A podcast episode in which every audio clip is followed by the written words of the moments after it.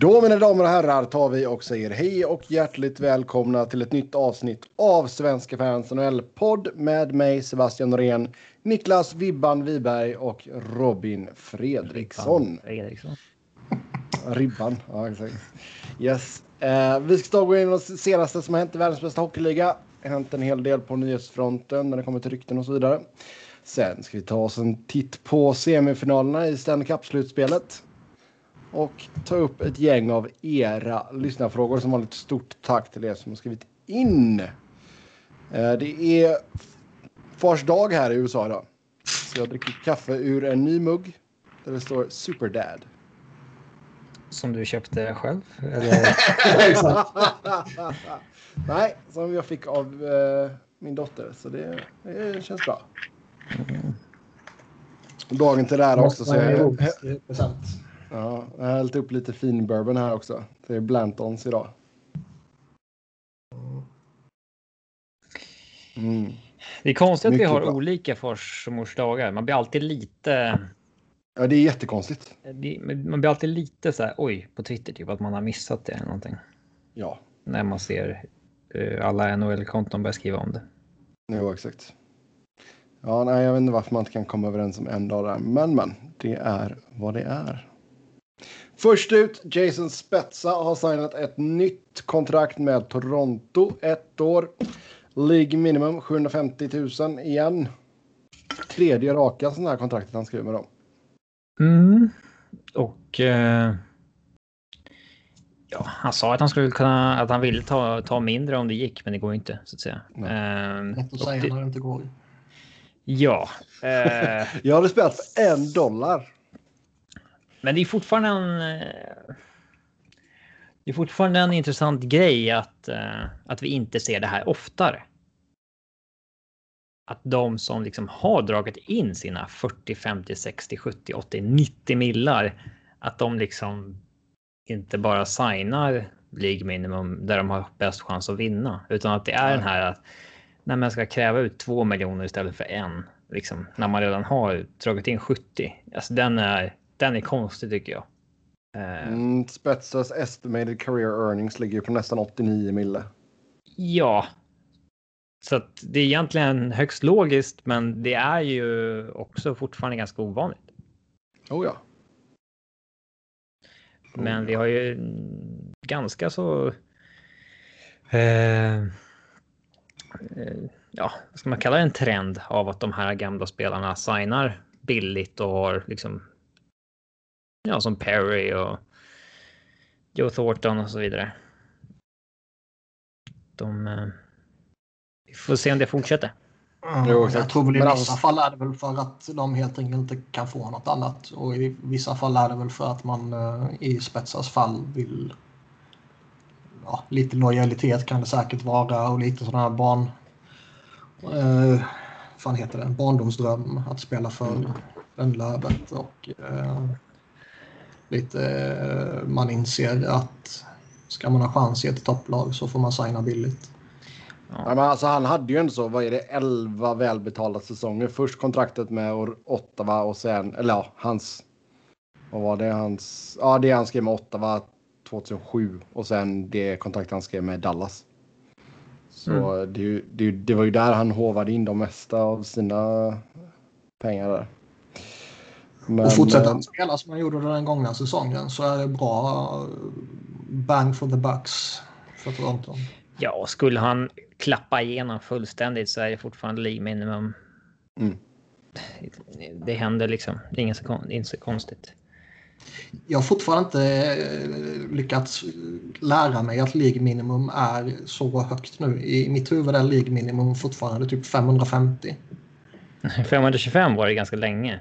Mm. Eh, Men ja, 750 är det nu. Den, den har satt sig hos mig i alla fall. Eh, Nej, men det är alltså som sagt, det är ju definitivt bra bang for the buck på, på det kontraktet och det kanske är som sagt någonting att ta efter för några av de andra som kanske jagar en kupp sent i karriären. Mm. Och skoj om det... Eller skoj. Det vore intressant om det fastnar. Gets life league minimum. Boom. i Kings. Ja, nej tack. Uh, uh, nej, men alltså, sen det, det kanske är svårt också. För jag menar, han hade ju dalat av ganska rejält i anseende sista två säsongerna i Dallas va? Vadå? Uh, Nej, men han var ju typ det han är nu sista säsongen i Dallas. Men ja. Eh, ruskigt överbetald då. Han fick ju jo, spela fjärdecenter och så vidare. Men just det att han inte hade... Egot var inte för stort där. Nej, han verkar vara en bra... Good dude, som man säger.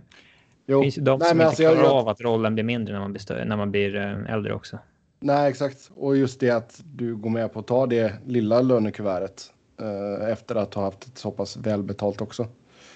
Då kanske det är många som hellre kanske hade hållit ut där och som, som Niklas sa, liksom två mille istället för när de kanske hade varit bättre att ta en.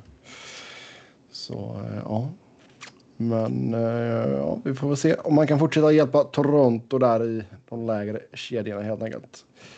Sen eh, diskussionerna kring Jack Eichel blir allt mer intensiva. Snack om att Buffalo föredrar att skicka honom till Western. Det är väl inte så konstigt kanske. Och då är det lag som LA, Minnesota, Chicago, Anaheim och sen några Eastern-lag också med i snacket Columbus, Philly och Rangers.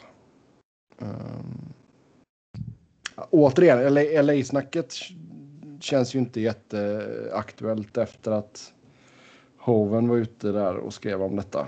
Uh, så pass tycker jag inte att han har koll på Kings. Nej. Nej, men alltså det är klart att man, alltså det hade varit jättekul att få in Jack Eichel, men uh, frågan är ju vad fan priset är för honom bara. Jag har jättegärna jo, Jack eh, Eichel och Kopitar som one-two punch. Ja, vad vill han? Eh, han har väl en full no move, va? Eh, en full, det får vi dubbelkolla. Nej, jag tror inte han har uh, någonting. Nej, han har ingenting nu. Det är först uh, 22-23 som den kickar in. Mm. Okej, okay, det påverkar i så fall för att hade han haft det. Då vill ju förmodligen han ha ett godkännande på att han ska få göra den här konstiga operationen innan han wavar. Liksom. Ja, ja. Eh, han vill nog absolut inte gå till en organisation som kommer bråka om den precis på samma sätt som Buffalo har gjort. Den grejen måste Eller, lösa sig. Är det här bara ett sätt för honom att tvinga fram en trade? Nej, det är inte. så alltså, fort efter han blir tradad, han bara, men vi kör det vanliga. X, och så säger han att, nej men vad fan, tycker ni vi ska göra på det sättet så gör vi på det sättet, nu kör vi. Nej. Det skulle ju vara oerhört skoj. Man kan bara gå och, trä, man kan bara gå och kräva en trade också. Man behöver inte vara Lika skoj. konspiratoriskt lagd. Jo, det är roligare. Nej, men det är klart att även om, inte, även om inte han har en klausul så eh, känns det ju som att både han och laget som tradar för honom bör ju verkligen eh, säkerställa att man är på rätt eller samma våglängder. Oh ja. För med tanke på att det är så jävla publikt hela grejen så kan ju lagen inte har undvikit att snappa upp den där grejen. Men skulle det inte vara vida känt så kanske Buffalo försöker mörka och, inte tillåter andra lag att snacka med honom förrän traden är genomförd och sådana där grejer. Men nu är det ju helt ute och de kan ju fortfarande förvägra lag att prata med honom. Men ehm, då tror jag nog att man eh, sänker värdet på honom också.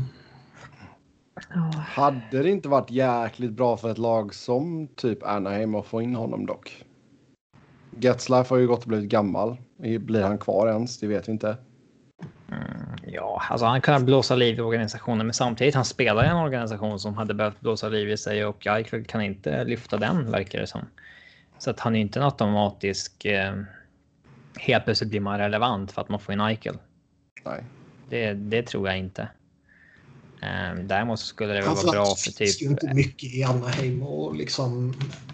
Nej, det hade varit mycket bättre med typ LA i så fall, där Kopitar fortfarande är bra och det finns mycket prospects som är liksom precis på liksom gränsen att kliva in. Um, där hade det nog kunnat, de hade kunnat vara relevanta om liksom två år om man får in Eichel. Eh, Columbus, de hade ju verkligen behövt en, en liksom eh, ledstjärna i stan. Oh, ja. Eh, hade nog lockat Line också. Eh, Philly, jag vet inte. Eh, Det går... Eh, Rangers hade behövt det mycket.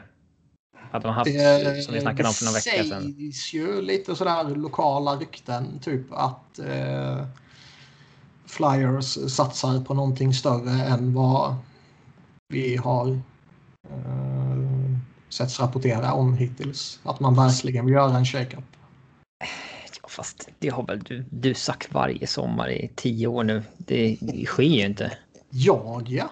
Men nu Ja. eh, är det andra som säger det. Ja, men att det sägs att man är inne på de, liksom en jättetrade eller liksom en eh, med diskussionerna kring Babcock eller till, alltså där, när det begav sig liksom att Men det var man ju.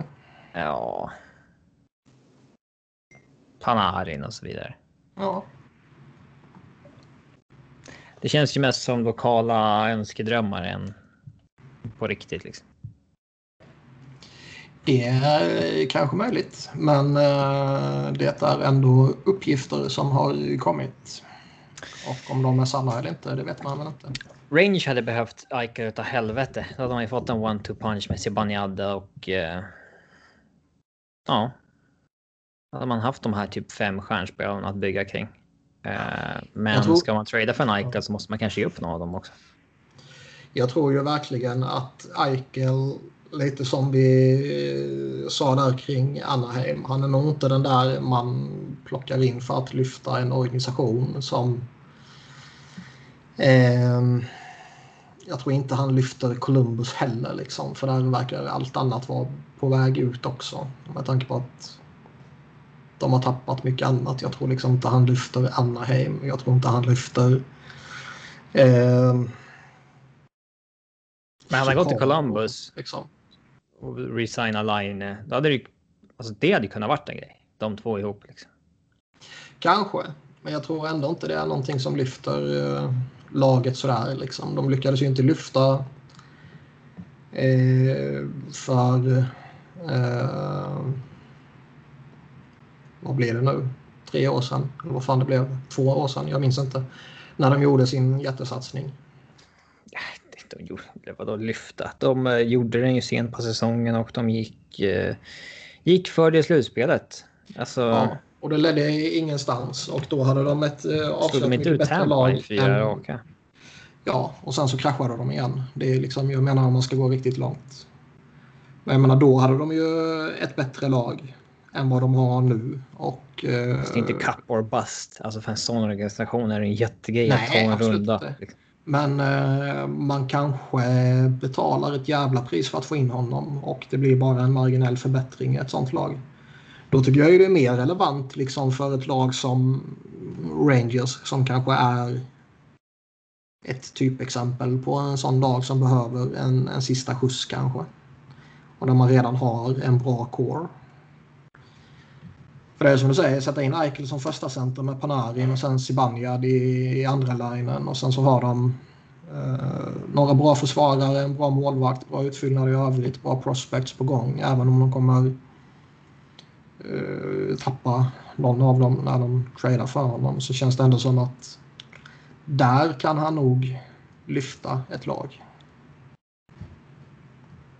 Och jag tror även Phil liksom kan han nog sätta fart på det laget. Minnesota får man väl se lite vad som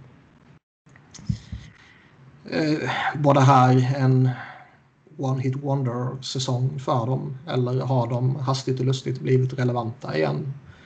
Och eh, vad fan hände med Kaprizov?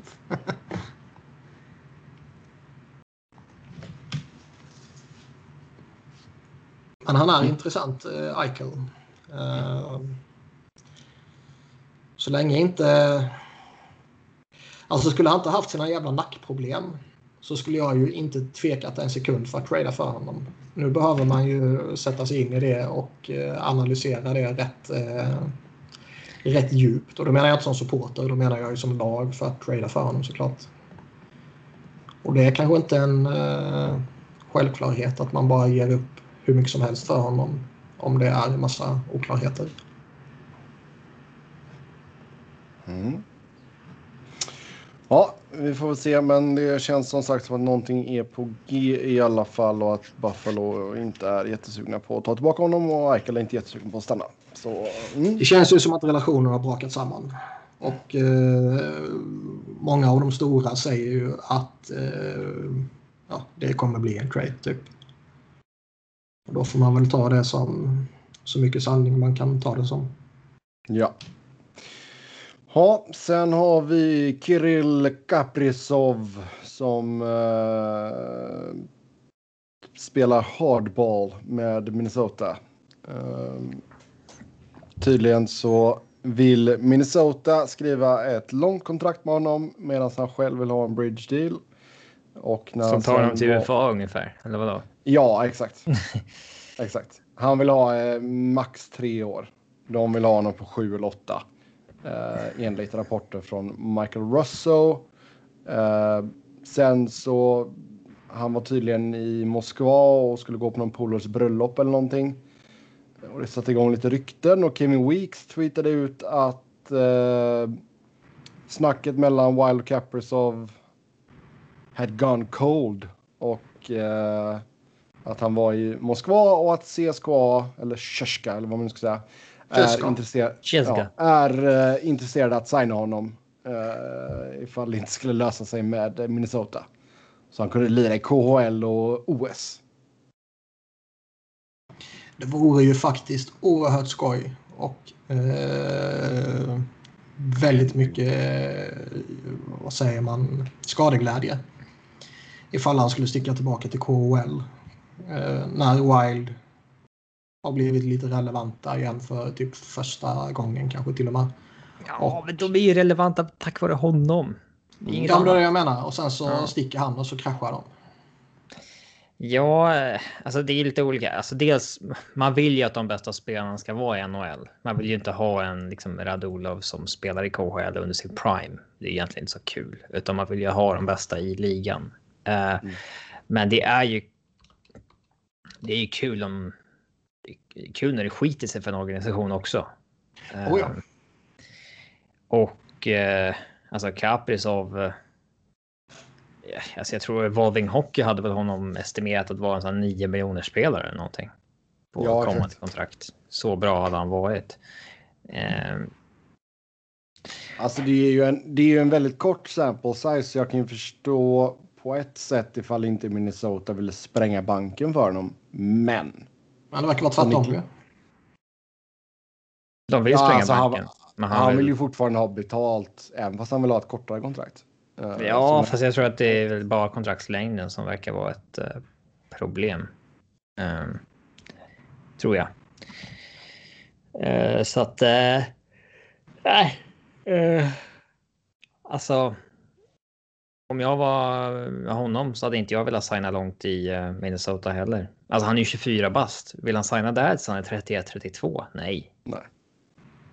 Han är ju inte den här 18-åringen som då signar tills man är 26 och sen vet Nej. att sen kan jag välja kommande 10 år vart jag ska spela. Mm. Utan han är ju 24 och Ja. Det är lätt att titta på Minnesota. Alltså, de har uh, Spurgeon 31, Surer 36. De har Parisi 36, Zuccarello 33. Uh,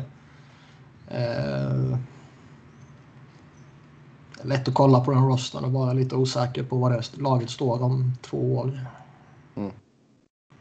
Ja, alltså jag kan absolut köpa att han vill ha tre, tre, max tre år liksom och sen eh, kolla läget liksom. Absolut. Ja, men man kan också köpa att Minnesota absolut inte vill signa honom på ett kontrakt som tar honom direkt till UFA. Nej, nej, nej. Vad tror vi händer då? Möts de på mitten? Man möts i mitten, år eller fem? fem eller ja, skriver man ett år, skjuter upp problemet. Ja.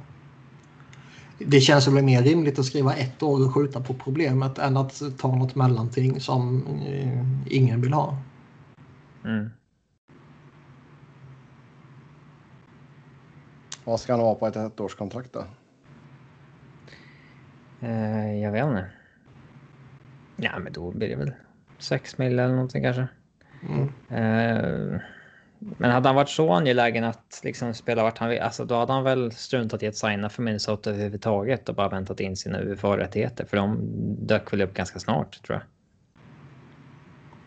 I och med att han var draftad 2015 och Ja, men samtidigt så får du en stämpel på det då. ja, fast det är ju bra nog så. Ja. Han kanske inte visste själv att han skulle vara så här bra i NHL. Nej. Nej. Nej, det var väl ingen som kunde se den toksuccén. Mm. Ja, Russell skriver i alla fall att han tycker att Bill Guerin skulle göra ett bra jobb ifall eh, de kan få han på fem år. Ja, för fan. Då tar, det tar jag till han är 29. Det är väl bara att acceptera. Mm. Alltså det finns ju inte jättemånga jämförelser att göra heller utan det, det, det är väl Panarin i så fall då som är den närmsta. Ja, ja visst, men.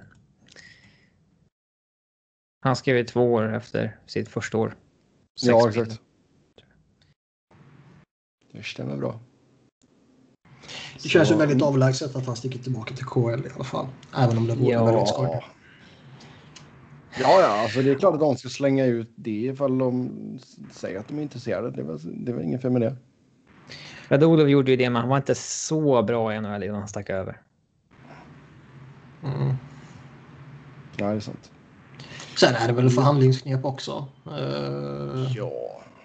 Det har gått lite, blivit lite stalemate i förhandlingarna och en agent eh, läcker ut att nu är han i Moskva och eh, hans gamla lag eh, rycker lite i honom. Ja, och det var väl så till och med att Weeks hade den agenten när han spelade.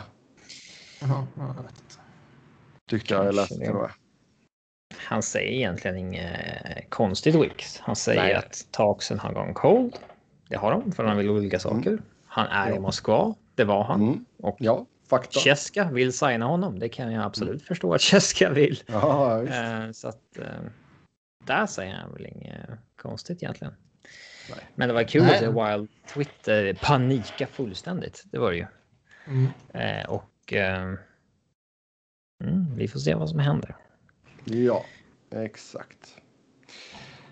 Sen ska Dougie Hamilton ha fått tillåtelse att prata med andra lag.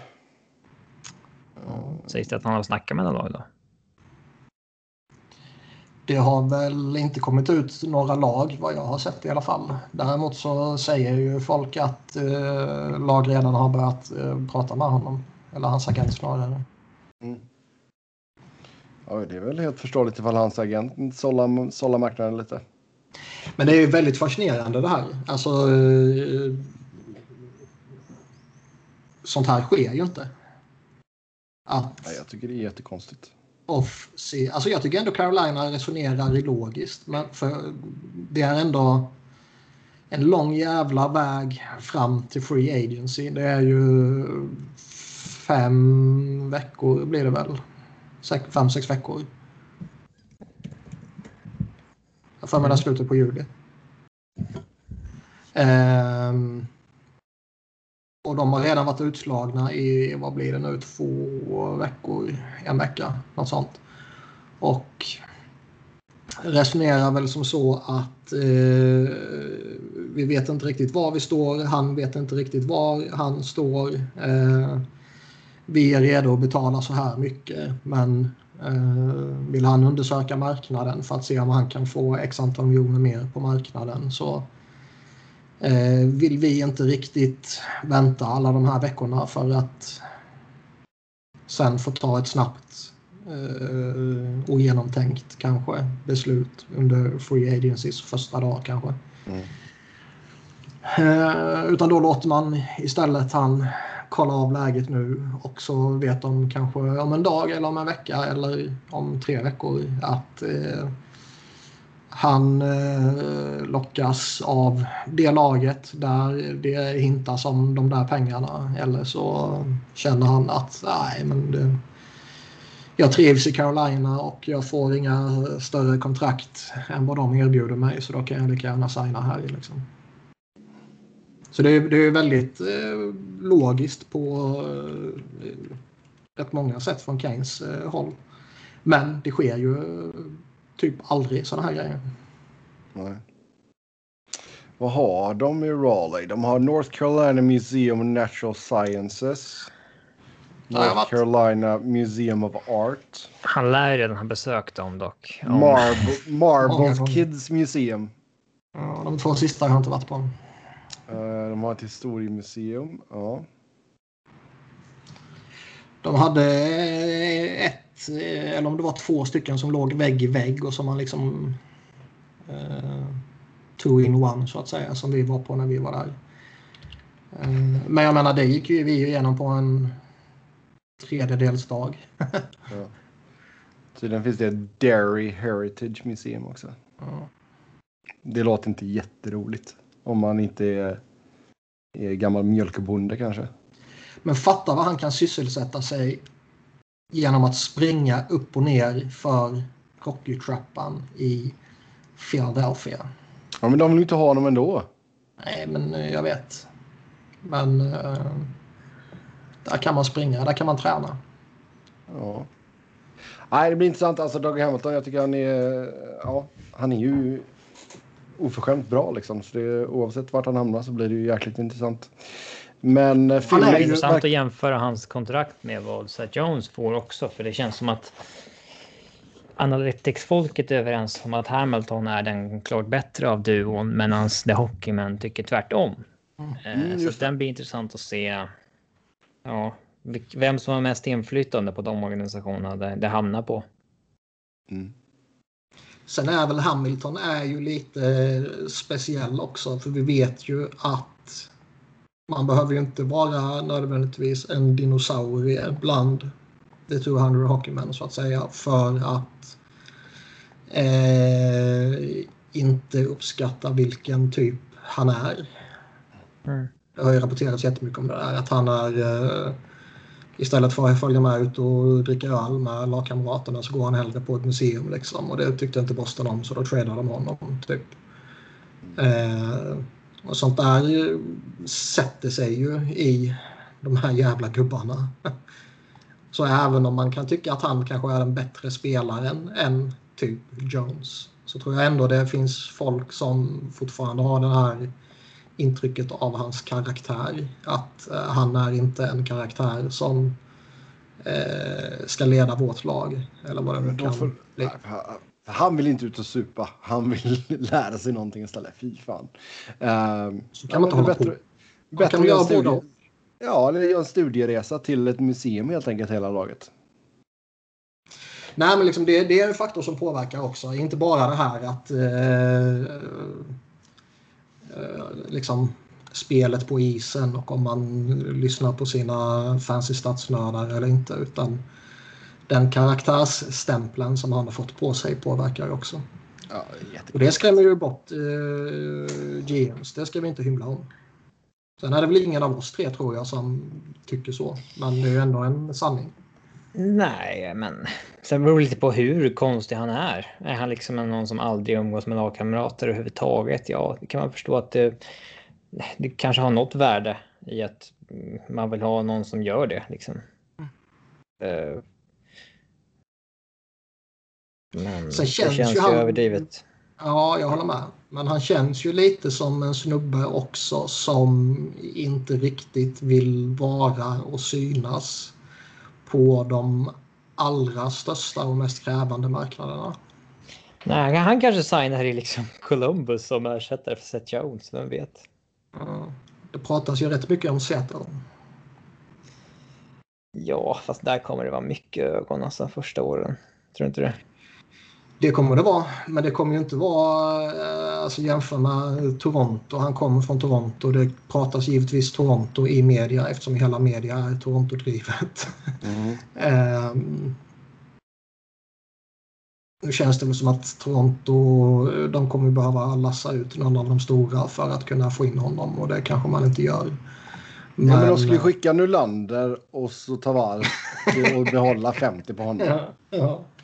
Och så ta in Bob på 50 procent och så kan man ju ta in Doggy också då. Ja, men det löser Se man. där, fixat. Vi har löst det. Tada! Men eh, han, han har ju lite den eh, auran över sig. Att han inte vill vara på de allra största marknaderna. Mhm.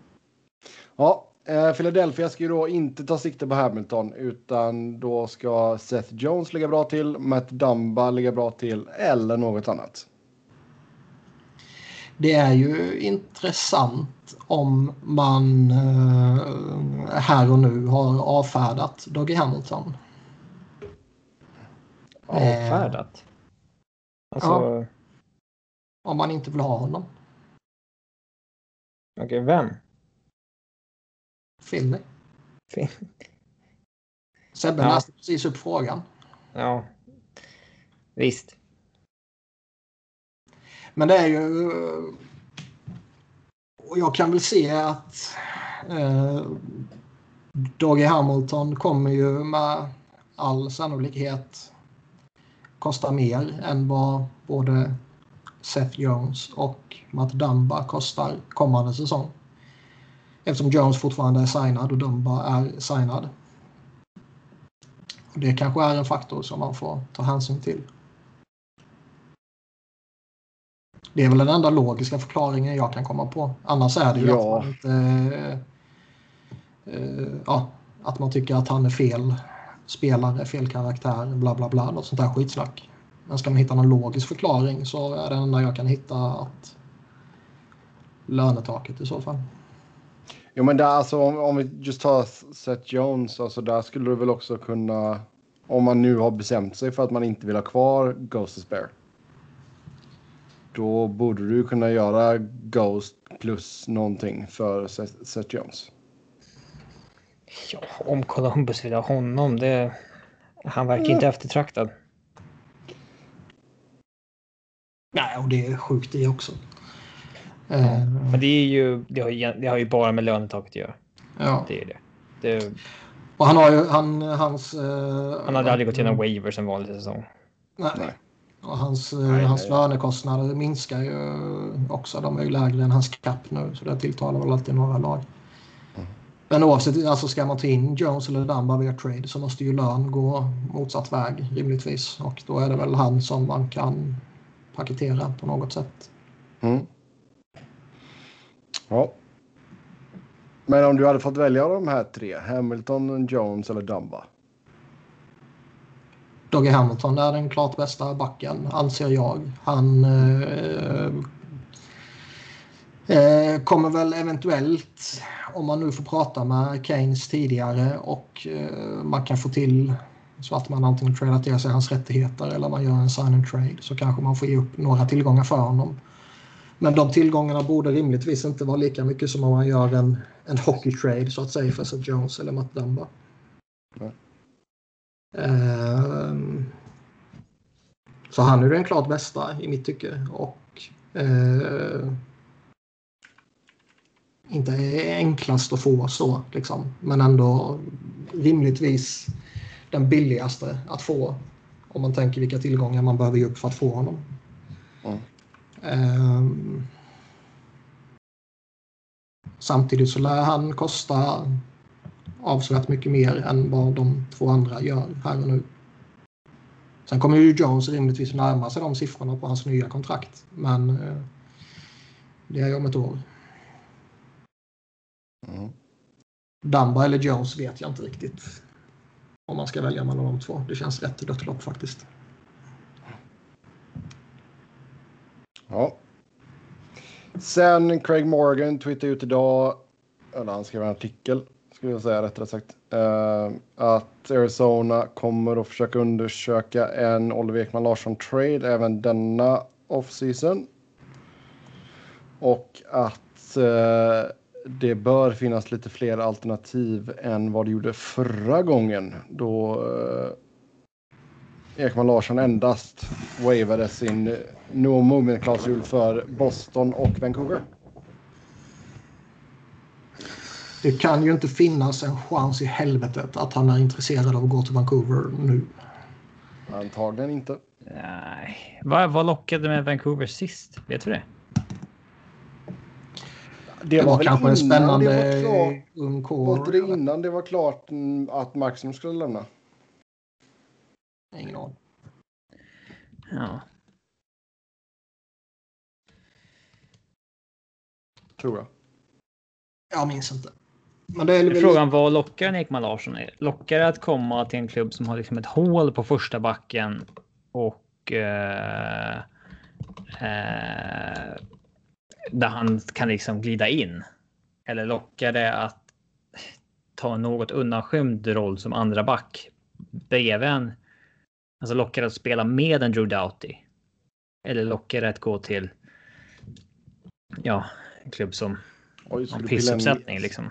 Ska du pilla in i Kings här nu? Trevligt. Ja, men vad som. Du förstår du. Vilken de situation kan, de kan få, De kan få Olli Mäte och uh, greken. Så, klart. Folk har ju redan börjat spekulera om flyers här också. Ja, Eller, klart. Flyers Twitter i alla fall. Ja, exakt. uh, Sebbe hånade ju mig idag så jag ja. kommer ju nämna flyers på varenda jävla punkt i körschemat nu bara så ni fattar det. Jag tycker den var bra uh, den tweeten. ja, men du fattar ju också vad det innebär för kvällens ja. Men, nej, men för, för Elliot Freeman droppade ju för om det är några veckor sedan eller om det är två månader sedan, det kommer jag inte ihåg. Men då droppade han ju, om det var i podden eller hans blogg, att eh, Flyers hade gått lite för Ekman Larsson förra sommaren där. Och eh, då hade det ju inte blivit någonting eftersom det var Vancouver och Boston som han hade siktet inställt på. Och eh, nu när han återigen ska ut på marknaden så eh, är det ju folk som kopplar samman honom då med Flyers. Jag vet fan alltså, han har en rätt tydlig negativ eh, spiral och kan kosta jävla mycket pengar alltså.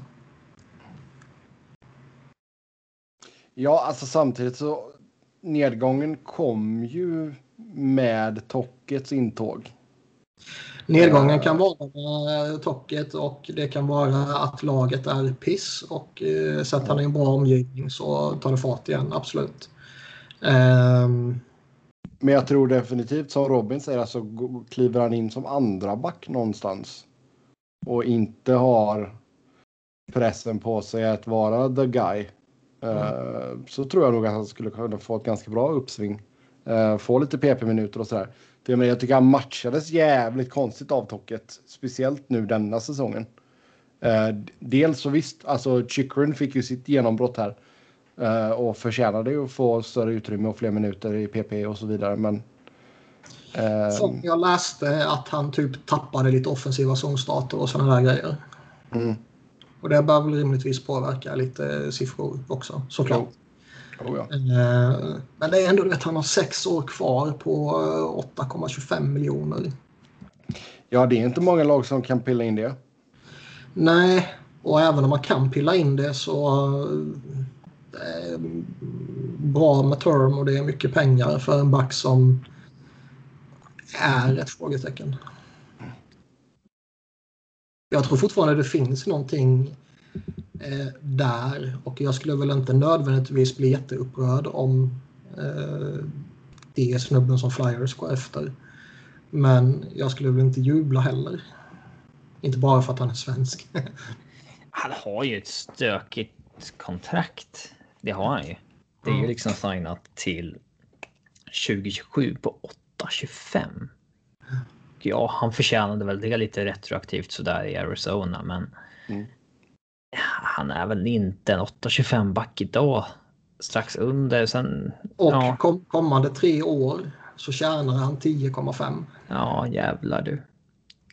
Det, det, det, alltså mycket av det verkar ju vara varför Arizona vill göra, göra sig av med honom också. Det är just att man inte vill ha den löneposten. Mm. Mm. Och den, just själva löneposten i sig tror jag är skitsamma för, för vissa lag. Jag tror inte Flyers eh, avskräcker för liksom att oj, han kostar lite mer än vad hans capita eh, ligger på. Det, det, Det är många av de rikare lagen så där det kanske är irrelevant mer eller mindre. Även om pandemin påverkar också såklart. Men eh, det kan ju påverka rätt många lag. Jag tror absolut det finns många lag i ligan som eh, inte bara viftar undan kostnaderna sådär utan tänker att nu ska vi pröjsa en snubbe här 10,5 miljoner i tre år. Är vi då säkra på att han kommer vara den. Första backen som han får betalt för att vara? Nej, det är vi kanske inte. Då kommer vi inte trada för honom. Är det, är det helt uteslutet att Arizona typ retainar lite på honom? Ska man trada för honom om man ska betala ett högt pris så skulle jag ju kräva att man retainar. Ja. Två miljoner eller någonting.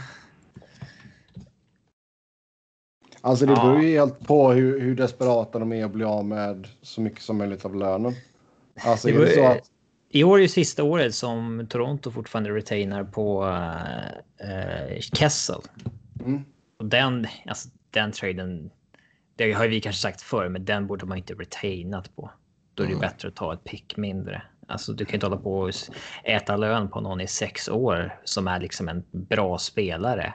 Utan Visst har du satt dig i skiten med David Clarkson eller någonting. Eh, då får man väl göra det. Men det ska inte krävas på en Kessel. Nej. Och det ska ju alltså, heller kanske inte krävas på en, äh, på en Ekman Larsson. Men är Arizona verkligen angelägna att dumpa honom? Mm. Då kan det ju vara så. Ja, alltså det beror helt på vad du får. Alltså, du vill ju inte käka två miljoner på honom och sen få in en annan spelare som ska ha liksom 7 miljoner i lön. Uh, för att spara in liksom en mille. Nej, om inte grejen är att man kan bli av med. Uh, alltså man kanske, alltså man vill bli av med termen. Ja. Men framförallt så verkar det ju som att de vill bli av med löneposten. Sen är det ju mycket snack om att man kanske borde, alltså du kolla ifall någon kan ta, tänka sig att ta Kessel. Där borde du väl kanske kunna retaina lite då. Uh, för att ja, men han är ju UFA. Ja. Eller och, uh, ja, och även kanske kolla marknaden för en Darcy Kemper, även fast kanske inte målvaktsmarknaden är jättehet liksom. Uh, alltså, för det, är, det, är ju ett, det är ju ett lag som måste gå in i en rebuild igen. Så är det ju. Vilken jävla skitorganisation. Jag menar, de har tre backar under kontrakt just nu. Så jävla ehm. orimligt att de fortfarande är kvar i den här jävla stan. Bara för att det är en, typ, en stor marknad i största allmänhet. För det är ju liksom, du får, ja, säg att du rensar då och tar bort de som är lite äldre. Kessel, Ekman Larsson, Kemper. Då får du bygga kring Keller, Chychryn, Smalts, Dvorak. Ja, man har ju eh, haft problem i draften de senaste åren också med tanke på att man blev bestraffad. Ja, herregud. Jo, alltså det satte de ju verkligen i skiten. Mm. Uh, nu har du ju inget första rundsval i år, inget tredje rundsval. Du har två andra rundsval. Du har ditt eget och Columbus. Uh, sen tycker jag inte, alltså, sen har inte de draftat jättebra heller om man kollar de senaste åren. Nej, det är ju ingen... Uh, Barrett Tatum ser väl ut att kunna bli någonting. Men uh, det är ju inte en ny McDavid direkt. Viktor Söderström ser ut att kunna bli någonting såklart. Och, uh, jo, det ser ut att kunna bli habila NHL-spelare liksom. Viktor Söderström ja, som Flyers har stort intresse av. Ja, visst. Men det är ju ingen spelare som uh, fyller hålet jämte Provorov direkt. Eventuellt. Nej. Det gör han inte. Även om han gick ju kalasfel med Dylan Strom till exempel. Liksom. Mm. Ja. Mitchell Miller gick det ju bra med också. Ja, det var han eh, som mobbade folk. Ja, mm. just det. Ja, det Som behövs också. Men det är en jävla skitorganisation. Sätt dem i Quebec för helvete. Så, ja, vi får väl se där ifall det händer någonting i alla fall. Men eh, som sagt, Bill Armstrong ska kolla av marknaden och sen höra av sig till Olivers agent tydligen. Enligt Craig Morgan. Uh, New Jersey Devils ska vara intresserade av en viss Rasmus Ristolainen. Så, ja. Det sägs ju att något lag som pratar Eichel med Buffalo ska ha bett om Ristolainen i traden också. Okej. Och då behöver man ha jävla mycket löneutrymme ledigt eller så behöver det vara rätt mycket lön som går tillbaka. Mm. För det är ju, vad blir det, 15-16 miljoner. Rent teoretiskt sett så har väl New Jersey utrymmet just nu, men de har ju en del platser som ska säkras upp. Eh, ja, jag vet inte om det är de som är laget som syftas på där. Men eh, alltså Ristolainen tror jag ju är en bra back om man sätter in honom i rätt omgivning och där omgivningen innebär att han inte är din toppback. Jo, jo.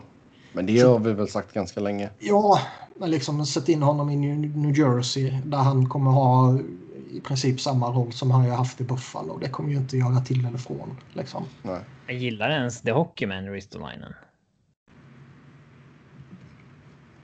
Jag vet Är inte. det en sån back som liksom The Hockeyman gillar men statsfolket gillar inte? Alltså folk gillar ju hans eh, fysiska närvaro, att han är stor och högerfattad och bla bla bla.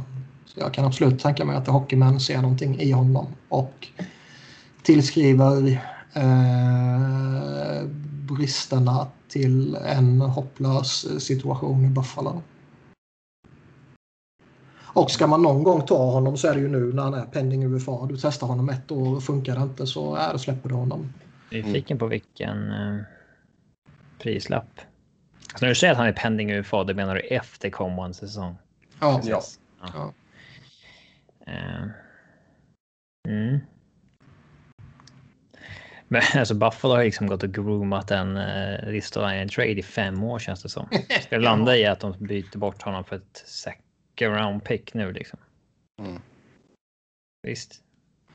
Det känns ju som att de kommer få ett byte för Ristolainen som är eh, underväldigande kan man säga så.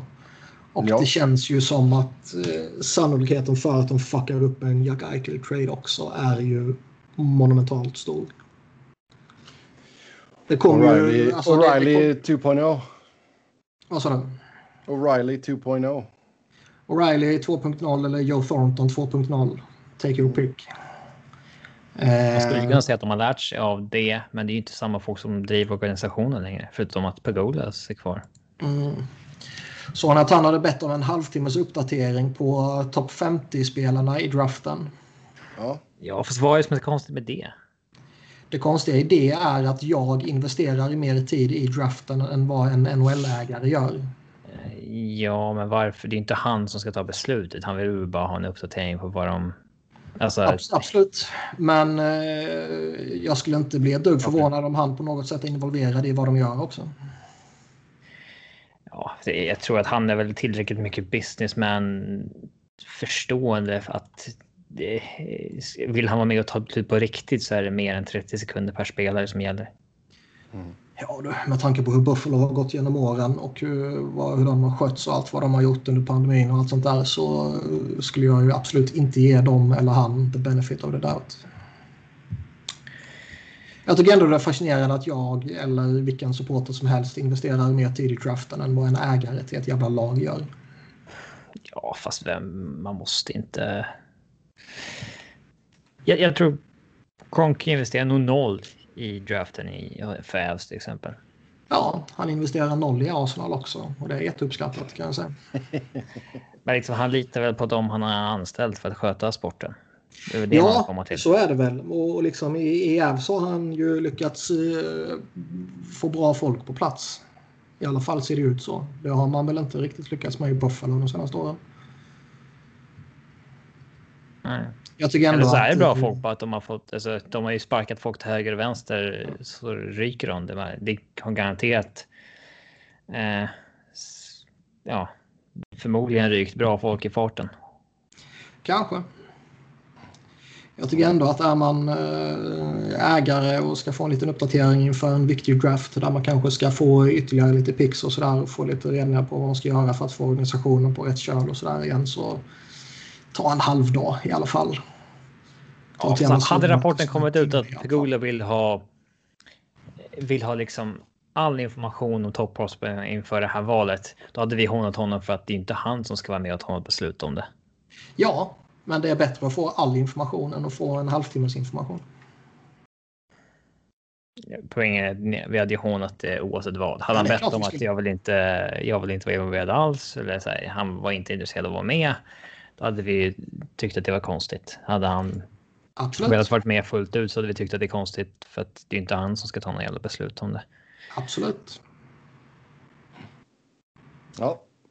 Eh, sen går vi till New York Rangers där Gerard Gallant är ny head coach. Ja, det sa väl vi länge att det är han de borde ta. Har jag för mig. Vi kanske sa något helt ja, annat det, förra veckan. Nej, men... det har vi säkert sagt. Han har ju varit snack om dem rätt länge kring honom. Mm. Ganska billigt väl som. 3,5 miljoner per säsong. Mm. Det är ju rätt många som snackar nu om att har, coachmarknaden vänt, vänt nu efter pandemin och dess effekter där. Att man inte längre ser de här 5-6 miljoners kontrakten utan det har tappat några miljoner där. Eh, vad heter han i Vancouver? Green signade ju lite billigare. Rod Brindamore signade ju oförskämt billigt i Keynes till exempel. Så det kanske är lite vikande trend där. Mm. Rangers är ju inte ett sånt där lag som, eh, även om pandemin påverkar, behöver hålla i lite pengar så att säga. Ja, nej, nej, nej.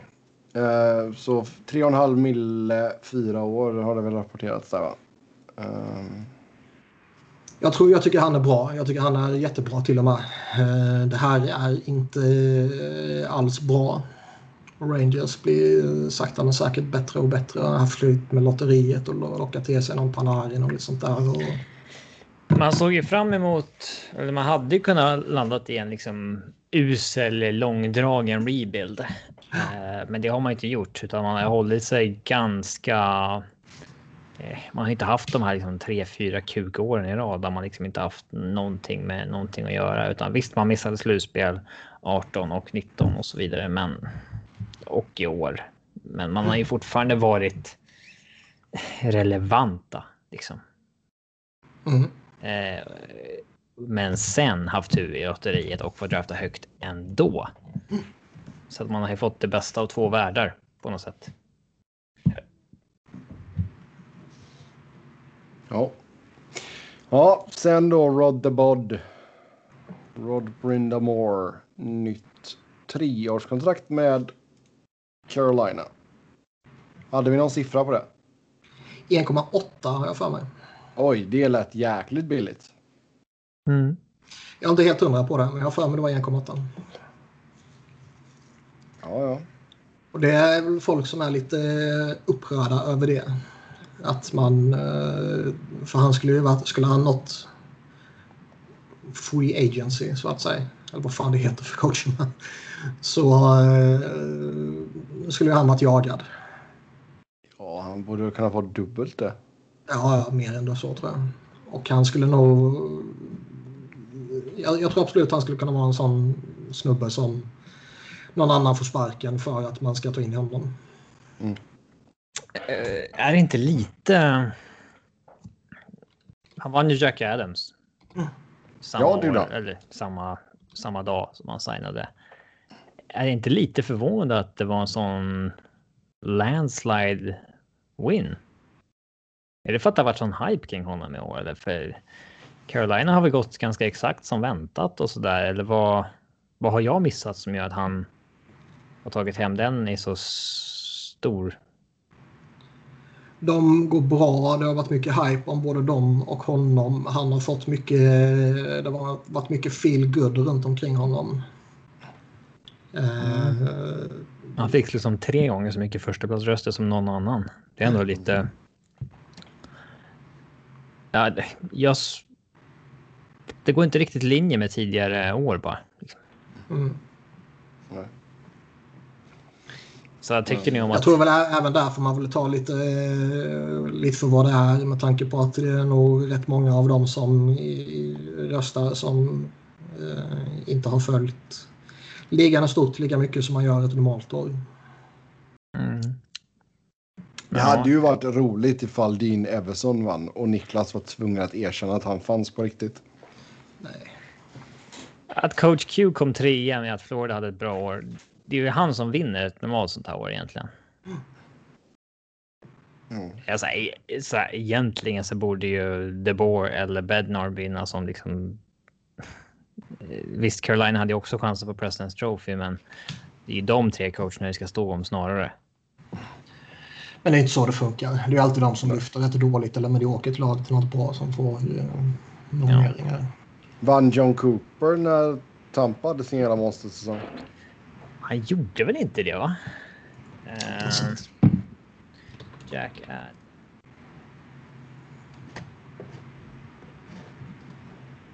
Eller vann han då för att det var liksom inte gick att ta någon annan? det gick inte att ta någon annan. Ja. Eh, nej, han har aldrig vunnit.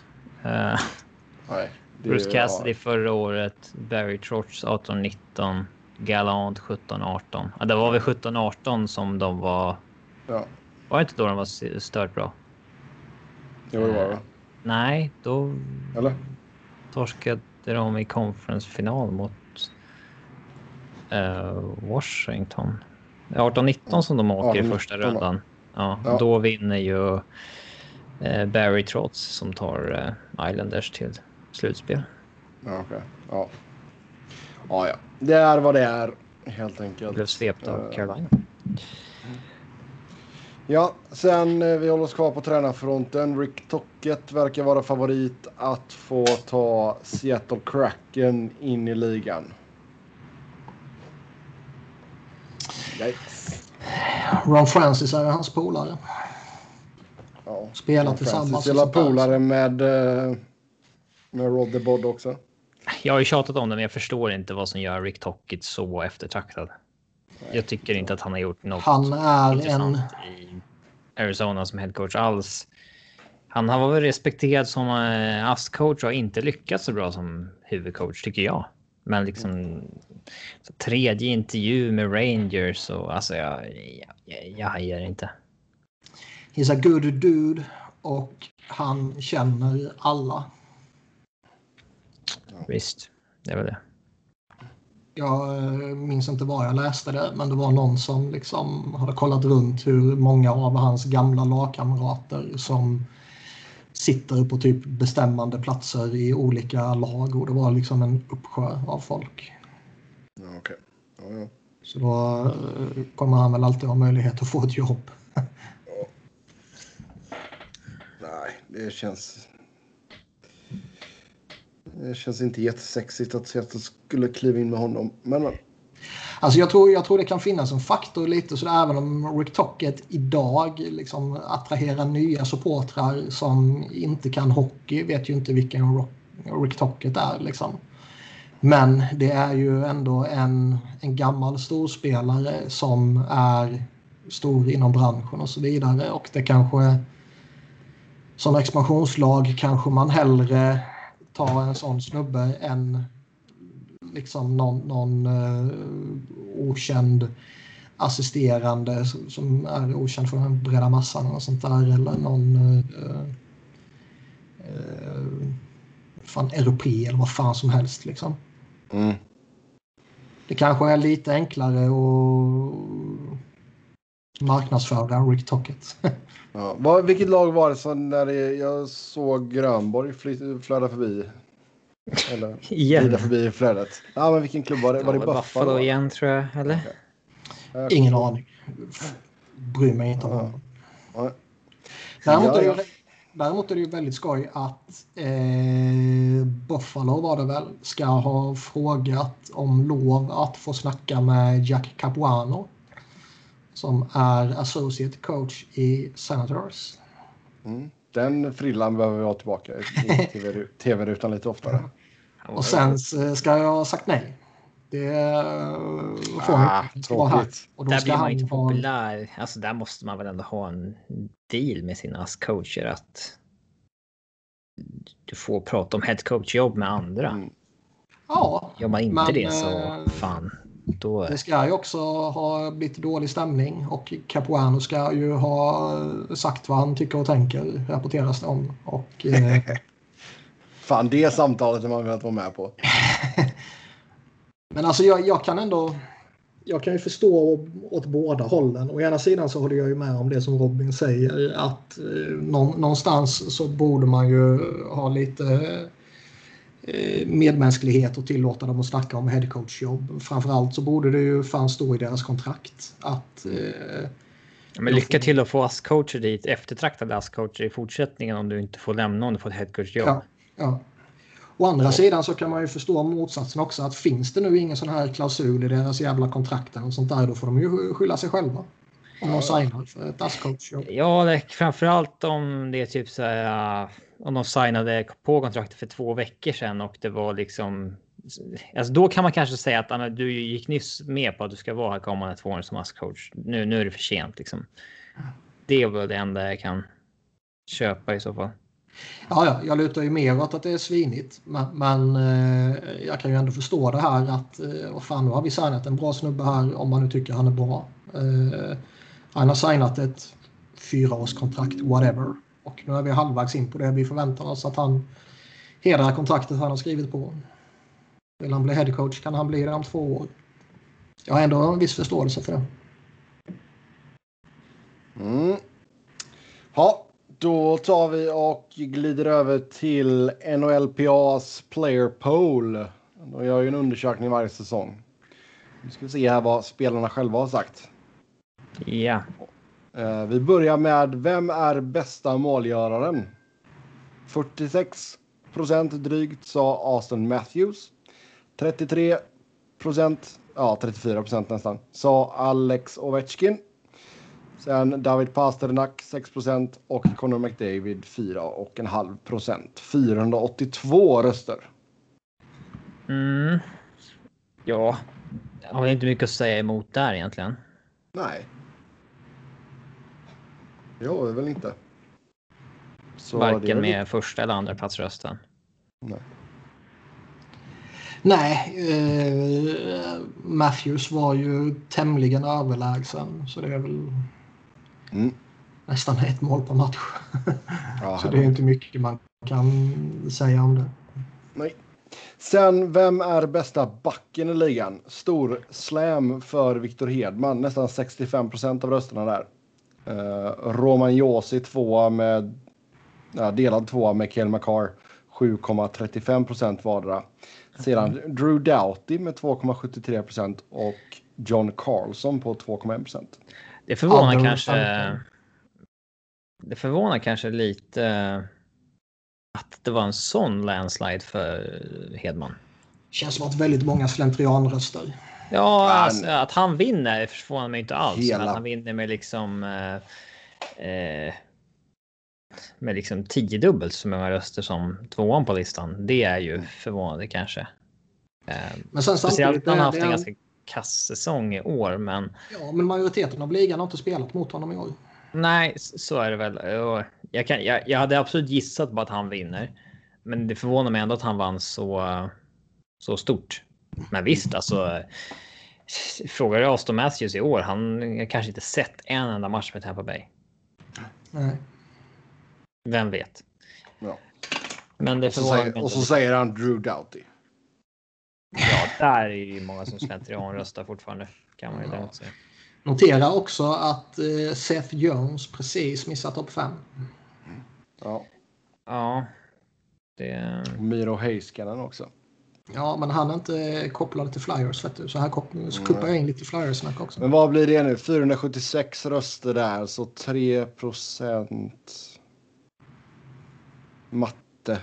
Ja, men det är drygt 10 pers ändå som har röstat på Doughty. Ja, det är väl hans lagkamrater. ja, kanske. 10 procent som har röstat på Doughty. Nej, 10 pers. Ja. 2,73 procent. Sen bästa målvakten, stor slam även här. Andrei Vasilevski, 54 procent av rösterna. Tvåa Mark André Fleury, 8,88. Trea Carey Price, 8,25. Conor Helleback, 5,07. Tukarask, 4,02. Ja, den var väl inte så förvånande alls. Eh, Fleury har ju fått lite av en revival. Price är fortfarande högt ansedd av uh, uh, spelar Pierce. Helleback hade en relevant säsong när Winnipeg tog en slutspelsrunda. Tucka är ju lite slentrianröster tror jag. Han är ju fortfarande okej okay och så vidare. Men så här, att Vasilevski vinner stort, det förvånar inte alls. Men uh, här svänger det ju fort. För typ för några år sedan så hade vi ju garanterat Bobrovski och Ja, ja. Så. Eh, Other det... är ju 20 procent också. Ja, där. Det finns nog röster på Grobauer och Kemper och här ja, är väldigt styrt av vilken division man spelar i och vilken man möter. Ja, eller så röstar de på sin egen målvakt. till och med och ja, allt möjligt. Uh, så att ja. Men eh, inget eh, konstigt resultat i alla fall säger jag. Mm. Sen, vem är den mest kompletta spelaren? Då delar alltså Sidney Crosby och Patrice Bergeron på förstaplatsen med 23,78 procent vardera. Sen Alexander Barkov 14,65 procent. Conor McDavid 7,22 procent. Nathan McKinnon 5,52 och Ange Kopitar 4,46 procent. Other 20 procent. Ja. Mm. Det är inte, så, inte heller så konstigt att Crosby och Bergeron nämns högst upp. Det, det är inte konstigt att det inte är sån som Hedman nämns här. Eller tänker man inte på backar när man får frågan om Nej, det verkar ju inte så. det verkar ju inte så. Ingen målvakt heller. Nej. Nej. Uh, nej, det är en målvakt. Konstigt heller. Nej, det är väl konstigt att uh, McDavid och McKinnon hamnar i topp 5 när det gäller komplett spelare. Det är ju inte riktigt de som man tänker på när man hör det komplett, utan det är offensiva dynamos liksom. McDavid är väl uh, inte komplett? Nej, det är ju att han är off the charts inom offensiva egenskaper. Liksom. Mm. samma sak med ja. McKinnon egentligen. Mm. Ja. Uh Sen har vi, om du måste vinna en match, vem är den spelaren, vilken position som helst, som du vill ha i ditt lag? Där vinner Conor McDavid med 36,74 procent av rösterna. Tvåa är Sidney Crosby, 23,04. Sen ett ganska stort gap ner till Nathan McKinnon, 5,87. Patrice Bergeron, 4,57. Andrei Vasilevski, 4,57 och Patrick Kane, 3,48. Other nästan 22 procent. Ja. Det är bra att du fyller i med other för jag orkar inte säga other. Nej, men det är säga 3,48 procent. 4,57 procent. Det är ju inte helt irrelevant att nämna den tycker jag. Nej, nej, nej. Men det är bra att du fyller det är ju intressant här alltid när man tar en sån här fråga och man lyfter en målvakt. För om du vill vinna matchen krävs det att du gör mål också. Ja. Ja, fast man... Vasilevski är ingen bra målskytt. Nej. Han har inte fått chansen. Killgissar jag i och för sig, för jag vet ju inte 100 procent. Sätt han i rätt, sätt han i rätt omgivning. Det är väl absolut inte konstigt att välja bästa målvakten, men. Eh, för målvakt kan ju sänka dina chanser att vinna. Förvånar väl lite kanske att Crosby fortfarande eh, har det anseendet, även om han såklart är en oerhört bra spelare fortfarande. Uh, man hade velat jämföra den här med frågan. Så han är ändå topp 10 poängligan strax utanför topp 10 i skytteligan. Ja, men man hade velat jämföra den här med vem är bästa spelaren i ligan, men den frågan ställde de inte i år. Mm. För den borde korrelera med den här ganska hårt tycker jag. Ja, det är det man är störst på tidigare år, att det är den här. Nej, McDavid är bäst i ligan, men om du ska vinna en match, vem vill du ha? Ja, då vill jag ha Crosby. Mm. De har ju varit konstiga. Ja. Sen, vem har bästa skottet? 48,95 procent säger Alex Ovechkin. 28,78 säger Austin Matthews. Sen eh, bra bit ner till Shea Weber 5,04, Patrik Laine 2,94, Nathan McKinnon 1,89 och David Pasternak 1,89. Och sedan Niklas? 10 procent på other. Ja. Det är intressant är att Ovi tar en jätteseger, men att Matthews är den bästa målskytten. Ja.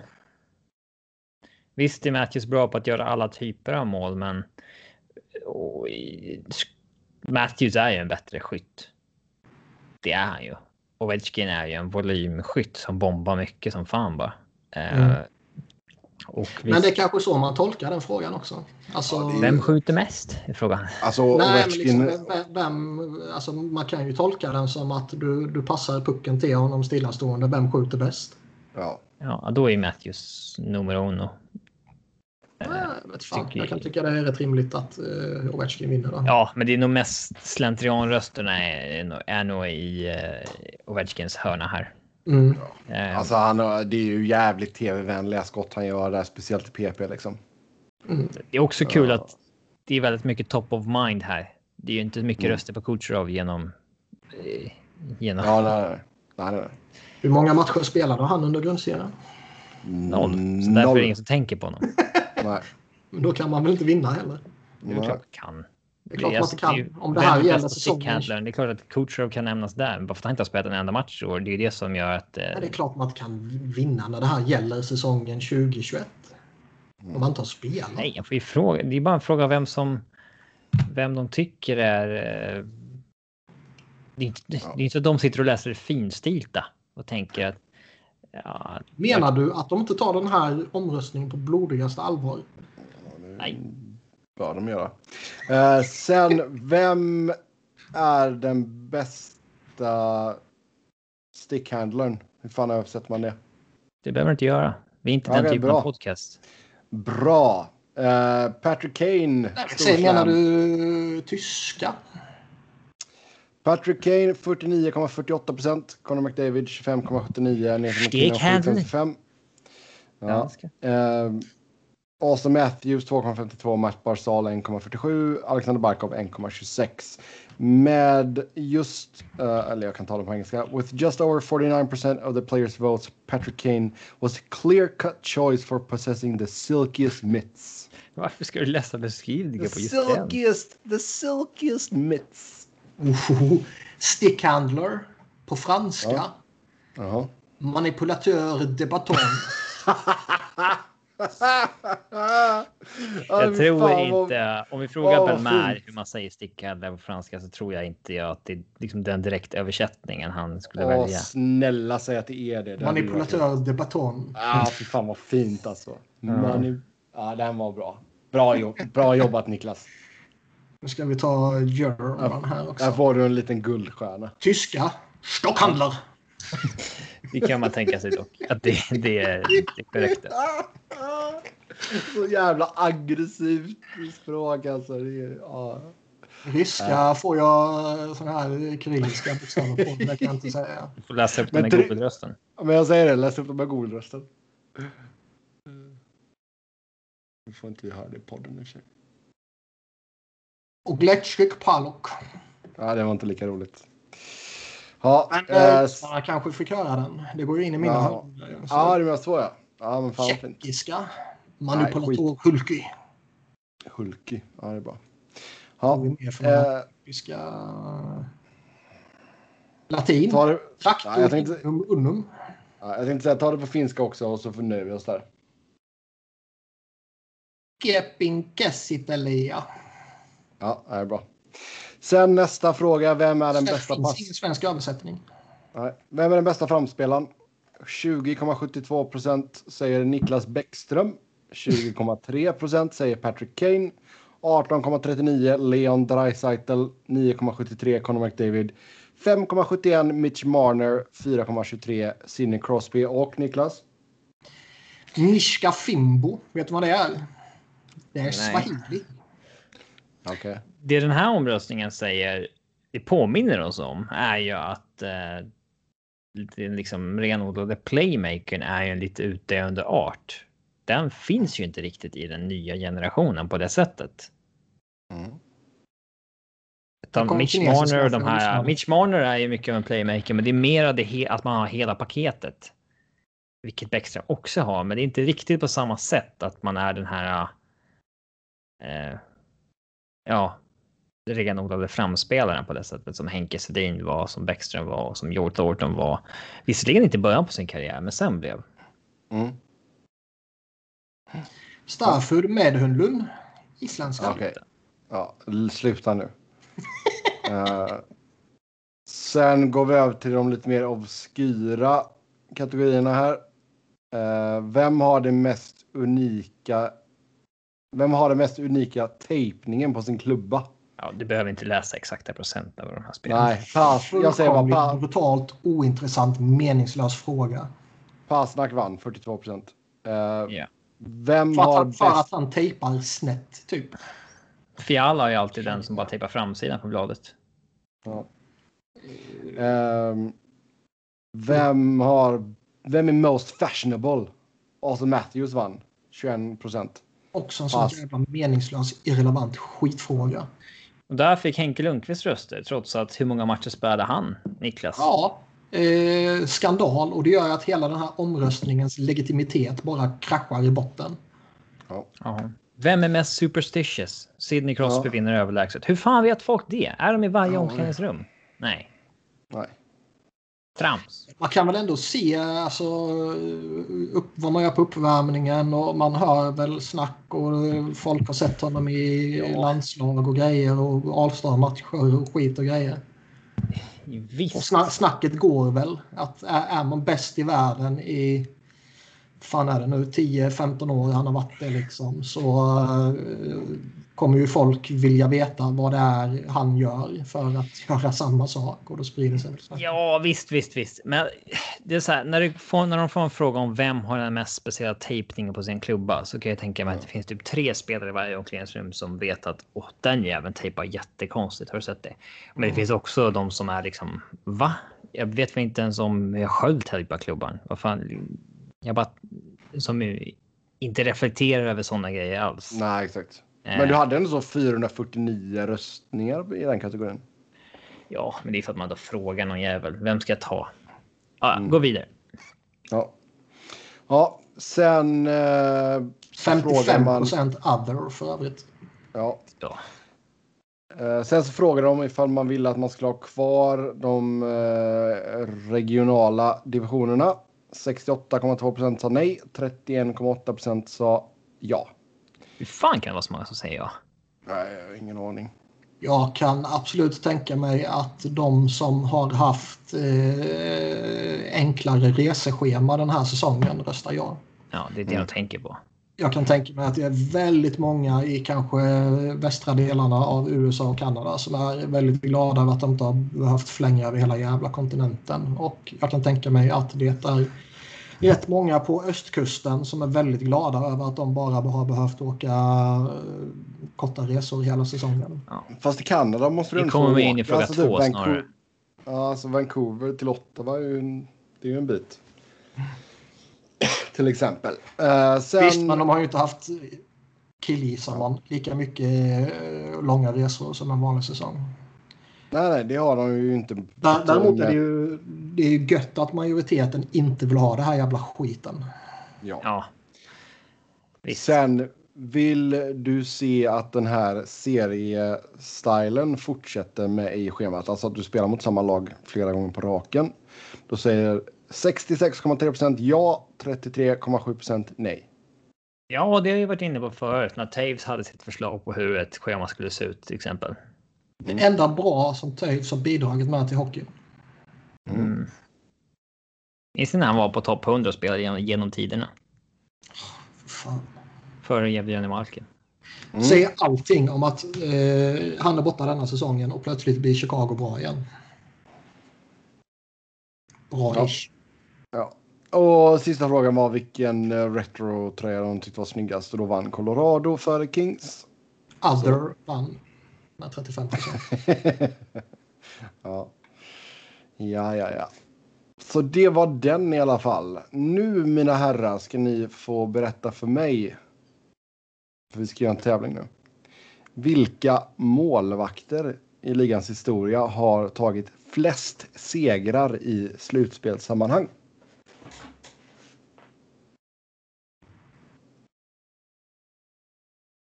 Jaha. Eh, hur? Ja, Hur? Vadå? vadå hur? Ja, ska vi gissa topp 10 eller ska vi gissa mest Ni, eh, ja, fallande? ni kan få... Ja, vi kan köra topp... Jag tittade på ett klipp. Vad snackar ni om? Flest segrar bland målvakter i ligans historia i slutspelssammanhang. Vi kan ta I topp... slutspelssammanhang? Ja, vi kan ta topp... Eh, ja, vad fan ska vi ta? Vi tar topp 50 gör vi. Så, Charistis Ravdion är grekiska. Eh, Okej, hur långt skulle vi ta sa du? topp 50. Topp 50. Okej. Vet du vad norska är? Stockbehandler. Ja, det, det räcker med den nu Niklas. Du, du tar det för Kul tre långt. gånger, inte längre. Ja, ja. Eh,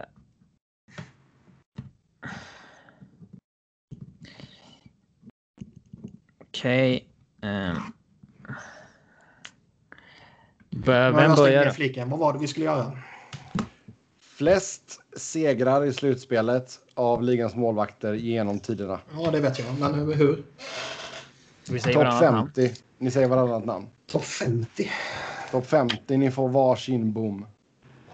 Får vi varsin bom också? Ja, Ja, börjar du Robin. Då säger jag Martin Brodeur. ja tvåa 113 vinster. Patrick Roy. Etta 151. 151. Um,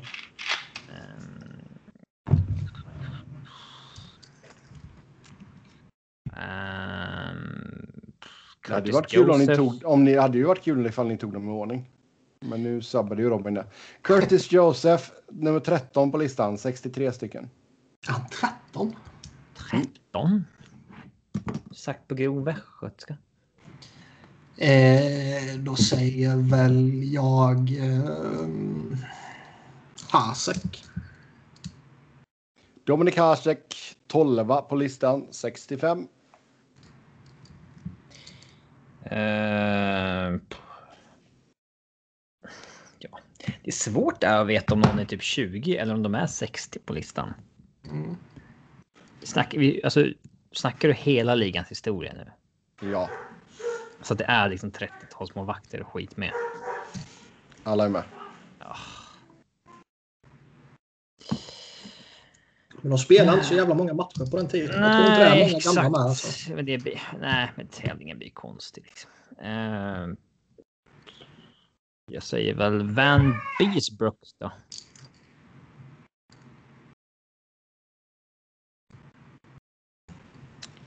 Van Beesbrook. Nej, det är fel. Bom. Första bommen där.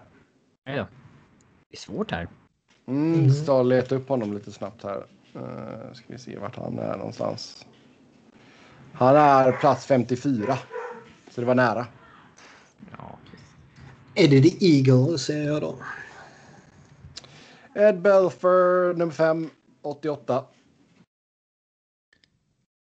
ja, det är svårt. Jag hade inte fem kunnat säga att? Belfort var liksom topp 5 och att When Beesbrook Ja. vara utanför listan. Ed- Belfer är femma med 88 Jag fattar. segrar. Jag säger Grant Fur. Han är trea med 92. Ja.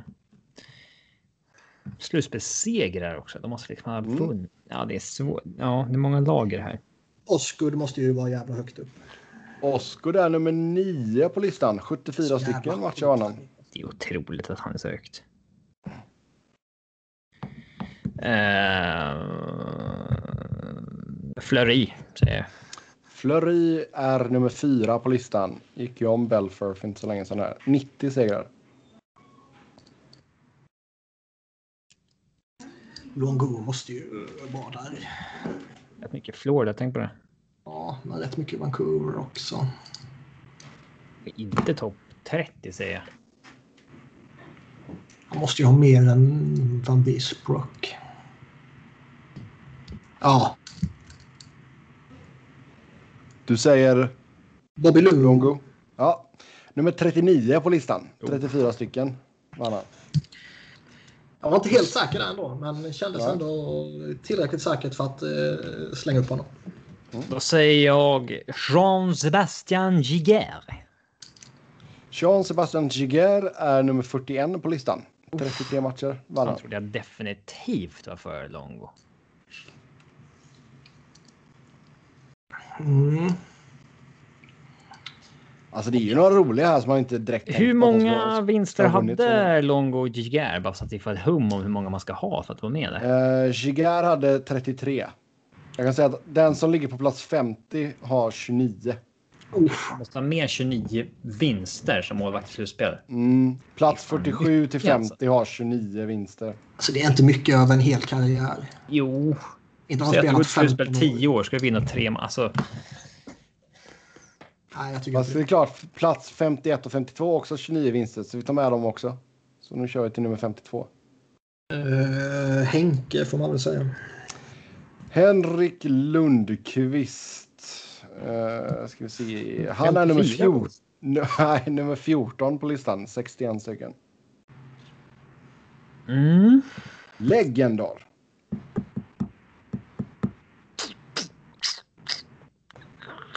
Eh, Tuka Rask. Tucka Rask. Plats nummer 17. 57 stycken. Förvånande högt ändå.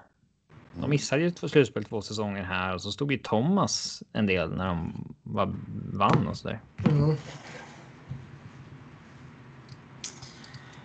Vad har vi mer? Vi har... Uh, har vi sagt? Han har vi sagt. Eh, det känns ju som att det är några sådana där brutalt självklara jävlar som man glömmer. Ja, garanterat. Det är också många Alltså, det- töntar när det är en sån här lång lista. Alltså som Ja, alltså jag, eh, det, det känns ju som att det är lite fördel Niklas i och med att han är lite bättre på det, på det gamla. lite äldre än mig. Ja. Ja. Ja. Men eh, ja, det var svårare än vad man... Eh, Nej, men liksom. Varken du eller jag har gissat på Terry, Char- Terry Sarsak. Är det liksom givet att han är med? Hur många slutspelsmatcher spelade de då?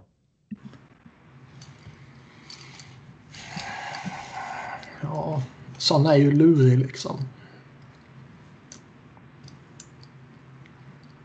Jag tror inte jag vill droppa han ännu. Utan man behöver komma på en... Uh... mm, måste jag komma på någon annan bara för det. Och så står det helt Mm. jävla still i huvudet. 29 matcher. Vi har ju... Vasilevski måste ju ha vunnit det. Andrei Vasilevski, plats nummer 27. 43 stycken har han hunnit med att vinna.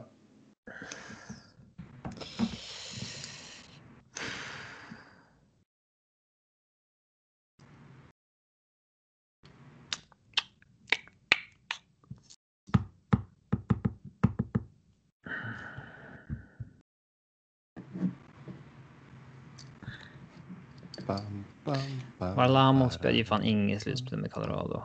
Spelar lite med... Han kan inte ha kommit upp i 29. Det kan inte Bobrovski heller gjort. För få slutspel i hans karriär. Um, jag säger Mika Kiprosoff. Eh, Ska vi se här. Mika Kiprosoff. Uh... Eh,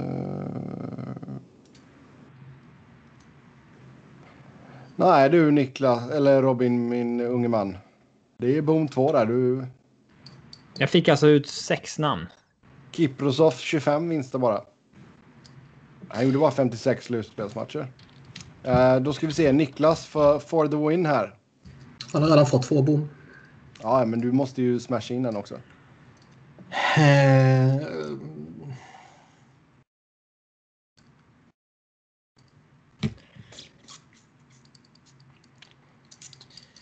Det borde ju...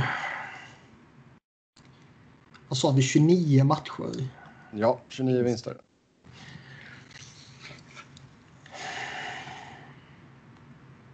Bernie Parent. Craig Anderson har nog med på listan. Uh, Bernie Perrant. Nummer 33 på listan. 38 segrar. Grattis Niklas. Det ska vara Eh, Craig Anderson med. Namn som ni missade. Ta Chuck bara L- upp en bara nutida namn. Ja, Okej, ja, ja, okej, nutida namn. Uh, hyfsat nutida. Tom Barrasso. Corey Ja, Crawford. Nutida. Okej, Corey Crawford. Han är nummer 20. Braden Holtby nummer 21. Ron Hextall. Jonathan Quick. Pekarinne. Nabokov. Mike Richter. Curry Price. Habib Bolin. Antiniemi. Kelly Rudy. Felix Potvin. Eh, Kurt McLean. Martin Jones är med på listan. Barla, Barlamov. Alltså hur då? Barl, ja, När vann han Bar- så många matcher? Varlamov är med på listan. Han har 30. Va? Ja. Tim Thomas, Ben Bishop, Matt Murray. Där har ni lite namn. Hur kan man... Nej, Nej, jag förstår inte. Vissa av de där kan ha kommit upp i 29. Det är fan oförklarligt. Mm. Men Craig Anderson var inte med. Det hade varit min nästa gissning. Nej, Craig Anderson Quick borde man ha tagit. Price var jag faktiskt inte helt säker på. Montreal har knappt spelat slutspel. Rinne borde man tagit. Ja. Mike. Vernon. Ja, Andy Alltså, är ju Moog. ändå... Billy Smith är en sån där jävel man bara ska slänga upp också. Hagen. Islanders målvakt när de år. Sarsak var inte med va? Jo då. Plats Ja. nummer 18. Han har Chuck 54 Mont. stycken. Turk Broda. En turk. Tony Esposito kanske någon hade kunnat verka fram kanske. Holtby. Men Var har... Marty Turco med? José Theodore? Nej. Turco var en sån jävel som jag funderade på men inte Alltså det vågade. är oerhört svårt att säga om liksom. Ja, men typ så här att Turco Biscoff gärna var utanför, men att får vara sex. topp fem. Ja, Bell, ja. Alltså när det här brasklappen att skulle vara vinster kom in. Inte Mm. liksom flera slutspelsmatcher eller så där, utan vinster. Det. Då var det svårt alltså. Ja. Men ja. eh, Ni gjorde väl det okej. Eh, då tar vi och Vad svår, glider in. svår. Ja, ja, men det är väl bättre än att det tar, tar slut efter två frågor som flesta utvisningsmin- utvisningsminuter. Liksom.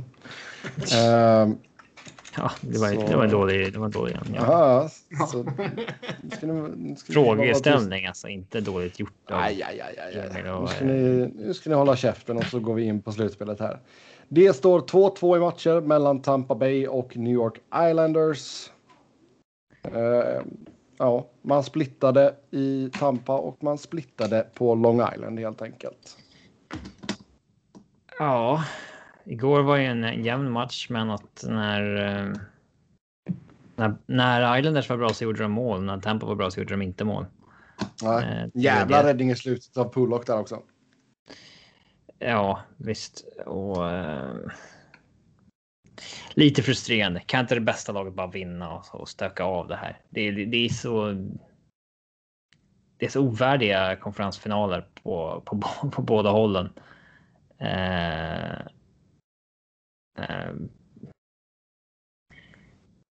ja, Jag har Alltså, inte som sett sagt, en enda sekund av någon av matchserierna. Jag har aldrig varit så här jävla ointresserad och det har aldrig varit så här jävla ovärdiga, tråkiga, meningslösa jävla konferensfinaler som det är nu. Blir det Tampa Vegas i finalen så kommer finalen vara rolig. Annars är det fan värdelöst. Går Islanders till final så är det som när Grekland vann EM. Det är liksom dödslag för hockeyunderhållningen. ja men alltså. Islanders Tampa Islanders, det är ju lite olika hockey som möts. Det kan alltid vara lite intressant och Ja, ja. men det, det Tampa är ett mycket bättre lag. De måste fan vara reda ut det där. Det, Jo, men alltså Islanders är ju bra på det de gör. De lyckas ju Ja, speciellt nu i senaste matchen. Liksom. Det, de lyckas stänga ner dem på ett bra sätt. De har en jävla surge i andra pärren där. Eh, och så lyckas man slå emot när Tampa kommer flygande i tredje. Ehm, så det... ja, det är ju intressant för jag menar det tvingar ju Tampa Bay att spela lite av ett annat spel också. Liksom. Men det är lite mer målsnålt. Det är inte fram, fram och tillbaka i 110 kilometer i timmen. ful Liksom. hockey framför allt. Ja. Jag menar, de kan ju göra saker som att crosschecka in Braden Point, egen målvakt, och ta få ett powerplay av det. Liksom. Det är en annan Ja. jävla skev hockey. Alltså, det, alltså den, just den grejen alltså. Kan vi... Kan, vi gjorde om kan, det här om natten med, när Ja, Mayfield men kan, kan, in kan på man sluta putta in spelare i din egna målvakt för guds skull? Men jag har ju sagt det här hela tiden. De gör ju på det här sättet Islanders hela jävla tiden. De bryter mot eh, reglerna hela jävla tiden. Och gör man det hela jävla tiden så kommer man tjäna mer på det än vad man straffas på det. Även om Tampa har eh, ett sjukt jävla PP i grunden liksom. Eh, de har gjort det Alltså det är inte bara nu utan emot har gjort det jättelänge. Och det är så jävla frustrerande och de här jävla domarna som är allmänt värdelösa i, i största drag och sen dessutom slänger regelboken åt helvete eller eh, är ännu sämre när det är slutspel. Det, jag hatar det. Ja. Mont Montreal Vegas är ju mera. Vad säger man? Den är ju mer ensidig historia. Vegas är ju jättemycket bättre hockeylag än Montreal, men Carey Price har ju stulit framförallt match 4. Det var helt brutalt hur överlägsna Vegas var, men eh, Montreal lyckas på något sätt få det till overtime för att Flurry gör ett jättemisstag och eh, sen vinner de där. Du menar match tre va? Nej. De har bara spelat tre matcher så det tror jag du gör. Ja. Ja, okej. Match, match fyra är i natt. Ja, exakt. De leder ju 2-1 matcher. Ja, exakt. Eh, Mm. Att, Montreal leder alltså med 2-1 i matcher över Vegas.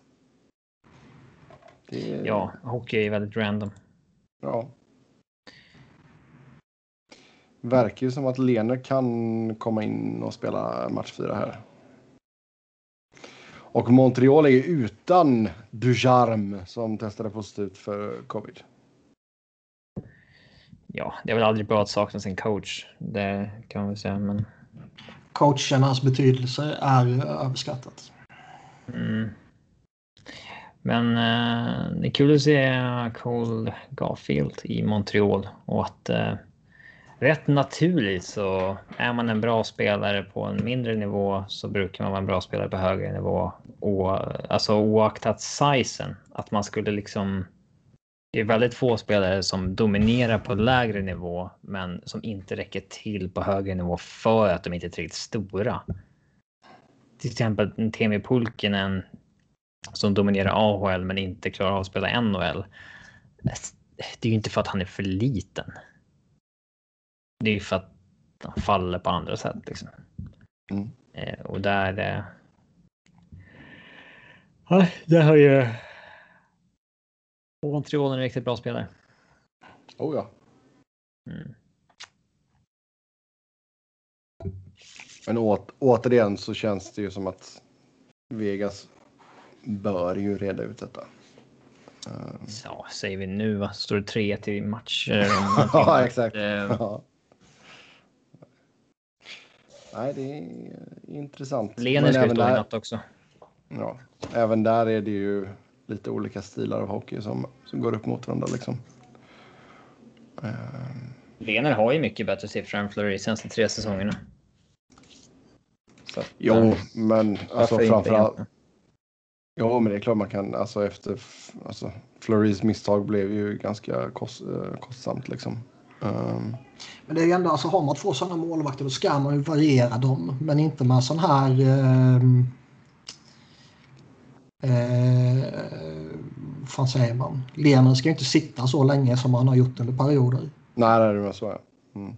Alltså när Ni- han och hoppade in Niklas, vad där tyck- och blev dödad av Ja. Colorado så liksom hade han ju inte spelat på evigheter väl. Vad tycker du om när målvakter går ut och ska spela pucken, Niklas? De ska sluta med sånt jävla skit. Jag fattar, alltså det finns så få målvakter som liksom genuint kan göra det. Och eh, om man inte är genuint bra på det så ska man fan inte hålla på med det. Henke Lundqvist, han sög på det och beslöt sig för att aldrig göra det. Ja, Ja. Liksom, visst har, har man en målvakt som kan göra det. Carey Price är ju skitduktig på det och det ger ju Montreal så jävla många fördelar. Eh, men Är har det man så mycket värt att ha mål som kan hantera klubban? Är det det verkligen? Ja, om man gör det på eh, toppnivå som vissa har gjort. Liksom Brodeur, det väl tjänade hur mycket som helst på det. Ja, men med Trapezoid och sådär så... Ja visst, de, de satte ju det för att stoppa Brodeur. Ja, Men eh, absolut, man tjänar på det om man är på den absoluta toppnivån. Men eh, i största allmänhet med bara någon random jävla snubbe tror jag inte man tjänar mycket mer på det än att eh, vad heter det, bara låta målvakten stå i sin jävla blå färg. Liksom.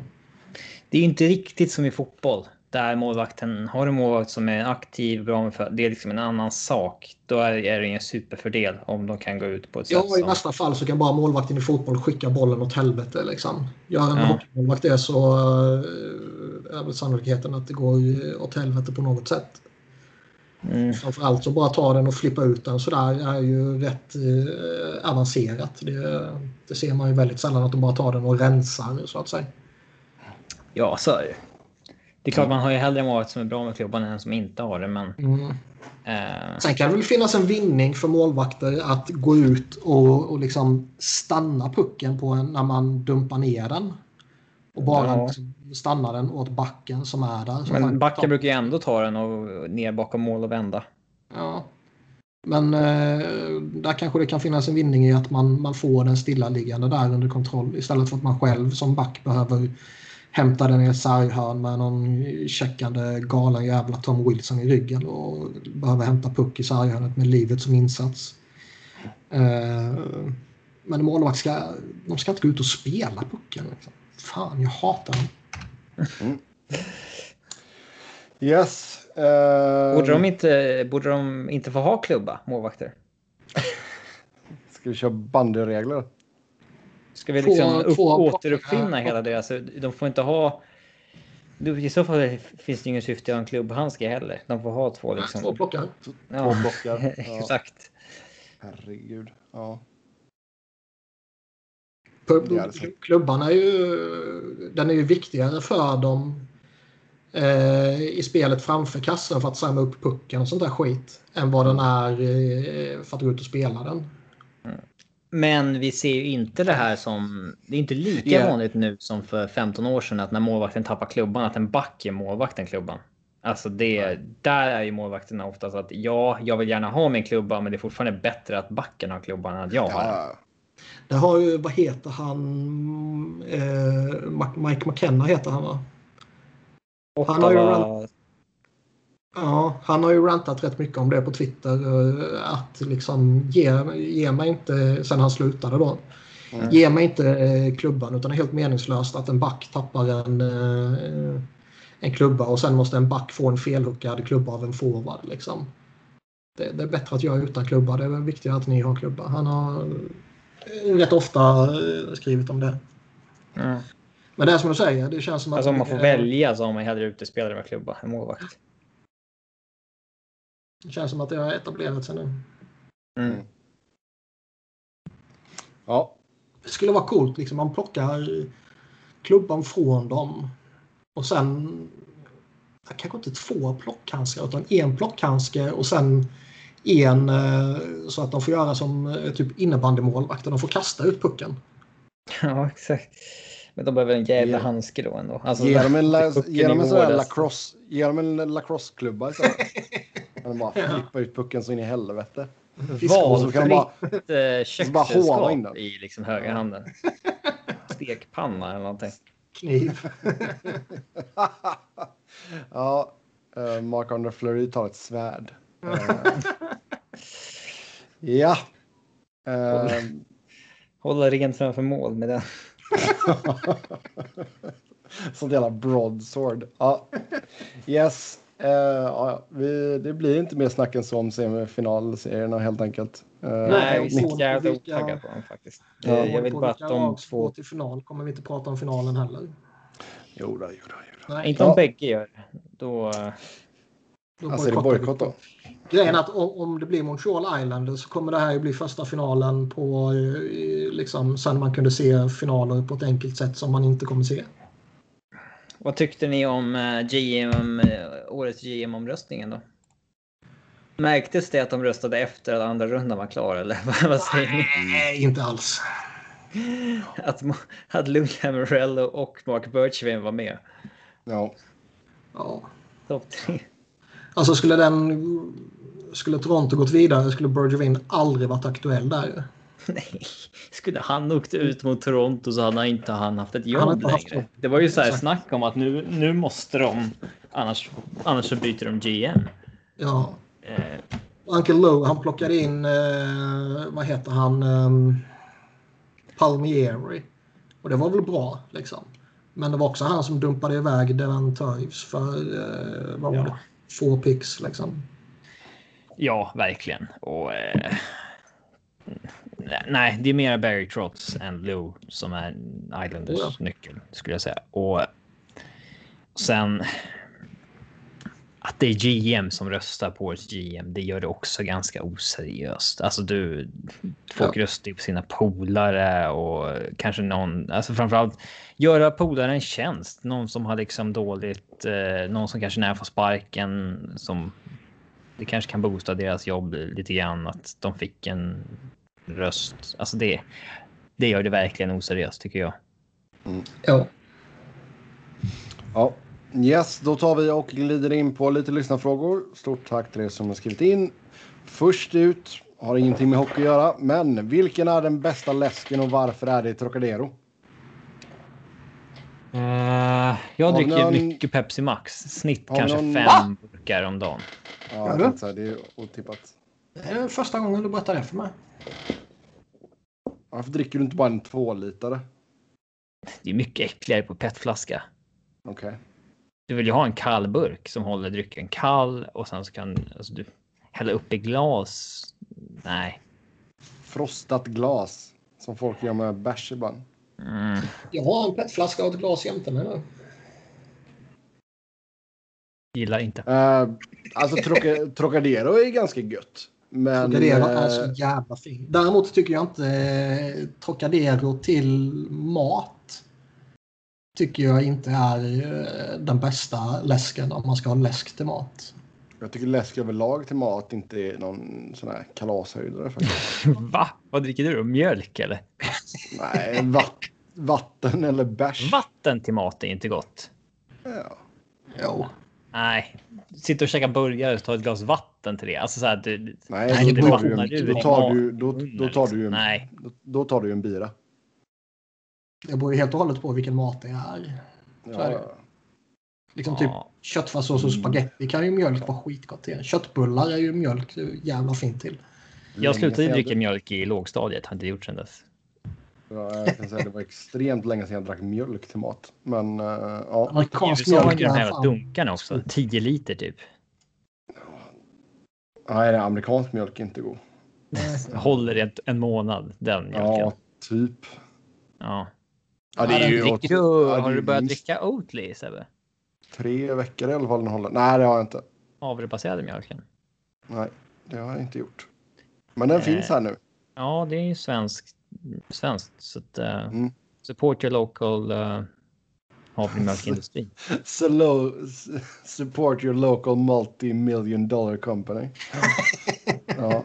Eh, nej, men alltså, alltså bästa läsken för mig är julmust. Det är... Köper inte upp så du har året om då? Därför då är det inte speciellt längre. Ja, men vad? Alltså, Du sparar. Nu, nu, Nej. Hade, nu hade jag två stycken sådana här 1,4 liters. Då drack jag en vid jul och sen sparade jag en och så drack jag den här om. En? det är den bästa. Jag dricker en. Men liksom så här slentrian, dricka läsk, då blir det typ Coke Zero tror jag. Det är väl den jag dricker mest. Eh, nej, ja. Fanta kan vara gött lite då och då. Uh, Trocadero har jag beställt en gång från den eh, svenska godisbutiken i New York. Eh, Om du eh, beställer en kebabtallrik, då är det en Fanta ganska bra. Då Fanta eller Sprite är bra. Körde du den någon gång på, du vet när man, när man tog läsk Seven- själv? 7-Up är i och för sig bättre än Sprite. Sju uppen? Nej, den, den, Ja, den kan inte du eh, smaka skillnad på ett blindtest. Den är Säger bättre än Sprite. 100%. Så ge, ge mig den gamla. Grejen är, jag vill ha tillbaka de här designerna på flaskorna från typ sent 80-tal, tidigt 90-tal. De är ju så jävla mycket bättre design. Och ge mig tillbaka. Niklas, kommer du ihåg de här jojosen man fick ett tag? Man kunde ha en fan, Fanta-jojo eller en Sprite-jojo. Jävlar vad fina de var. Ja, det minns jag inte. Oj, Har du gjort det någon gång att när du, du säger på när du köper en tar, alltså så här, jag tar vatten till. Så är det så här, när man tar själv så tar man Sprite. Och de inte ser det. Ja, nej. På liksom kebabhaket. så, så sparar du fem kronor eller? Ja, men då satt ju folk i högstadiet och drack liksom fem glas Sprite på en... Sa att man bara drack vatten. Ja. Och så gick de i konkurs på grund av det. Ja, det tänkte ju inte man på då när man var 16 bast. Jag tror i och för sig inte den sirapen eller vad fan det nu är de använder till de maskinerna kostar sådär överdrivet mycket. Men men. Däremot så Eh, man saknar lite det här eh, läskbackssamhället som eh, inte riktigt finns längre. Som fanns Röda läskbackarna, ja. Ja. Kan man stå där och plocka lite vad man ville och sådär. Och sen kunde man blanda på ett sätt som man inte heller gör numera. ja, det kunde man göra. Det var gött att blanda. Det, det vet jag. Då kunde man ju ploppa i eh, lite varje där. Det var ju nice. Smyga med en lättöl också. Kassörskan kanske inte såg. Ja. Alltså jag, jag menar ju Lätt i glaset blanda i backen. Ja, Jag menar blanda i backen. Att man kunde plocka Ja, lite hur fan man ville. Men så tar man, man tar en, en sockerdricka och en hallonsoda och så blandar man i glaset och så, sådär. Och så en päronsoda Nej, då, då är det ju bara, alltså det smakar ju till slut bara då liksom kolsyrad Ja. liksom läsk. Det smakar inget särskilt till slut. Jo, om man hittar den perfekta. Det fanns ju en läsk som Sockerdrickan hette... tar ju över. Sockerdricka är ju fett överskattat förresten. Det är ju Nej. typ en av de äckligaste. Nej, nej, nej. Nej, nej. Men Usch. eh, Usch. Det fanns ju en läsk som hette Black and Orange. Som var i princip bland Coca-Cola blandat med Fanta. Det minns jag inte.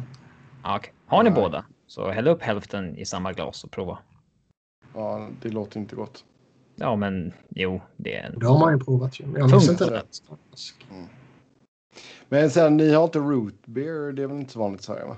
Eh, Nej, det finns ju den här amerikanska hyllan-sektionerna på Hemköp Mm. och Ica och sånt där. Men där kostar det ju liksom 30 spänn burken. liksom. Ja, är det är ju inte värt 30 kronor för en burk. Ja. Men Jag har köpt några, några grejer där, typ Junior Mints och så- alltså Seinfeld memorabilia liksom.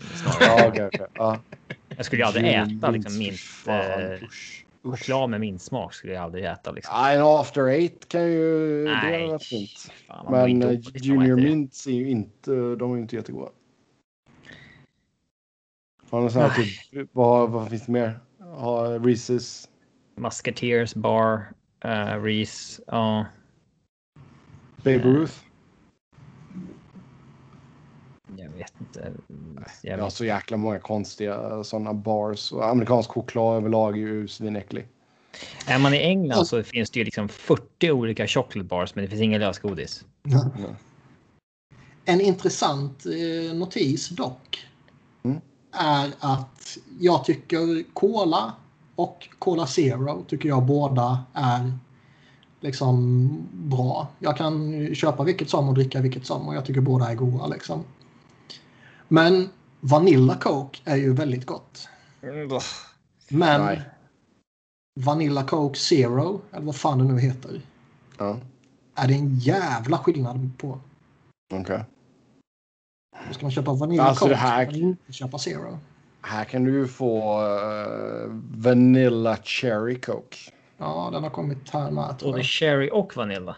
Ja, Cherry är ju dock en för jävla äcklig smak. Alltså, oh ja. Oh det ja. ska, man, man tror att det är gott. Och man provar då och då, men det är inte gott. Det Nej. är, som, det är en det- Dr. Pepper liksom och det, det är ju en jätteäcklig läsk. Mm. Nej, Dr. Pepper funkar. Nej, aldrig fastnat för den. Cuba Cola köpte jag häromdagen. finns det kvar? Ja, de har ju de har ju kommit starkt nu igen och deras marknadsföring är ju fan briljant. De kör liksom den eh, eh, framröstad till den populäraste läsken eller kolan eller vad fan det var liksom. Och sen så en liten notis. 1959. Finns Jolt Cola kvar? Eh, vet ej. Det tror jag nog att det finns någonstans. Jävlar vad man klämde såna. Mm. Det var typ farligt mycket koffein i dem. uh, men men. Ja, uh, så är det med det i alla fall. Men Trocadero, bra läsk kan man säga. Sen är det någon som vill att vi ska kommentera Damien Coxes utspel på Twitter som skedde under dagen då han gick helt ban-? Nej. Det var någon, alltså han gick helt bananas på Lady Bing-omröstningen av alla grejer. Den mest jävla irrelevanta skit. Ja, det är så öppet för tolkning vad man ska rösta på. Alltså i vilket syfte. och Alltså det... Jo men vad fan, du ska ju inte gå helt bananas som han gjorde. Eh, Över Lady Bing. Inte för Lady Bing. Det är en sak om det blir något galet i typ Hart eller eh, Norris eller något sånt där. Nej. Lady Bing. det står ju bara combining eh, hi- high standard of play med gentlemanly conduct. Och det är ju helt öppet för tolkning vad man ska rösta på.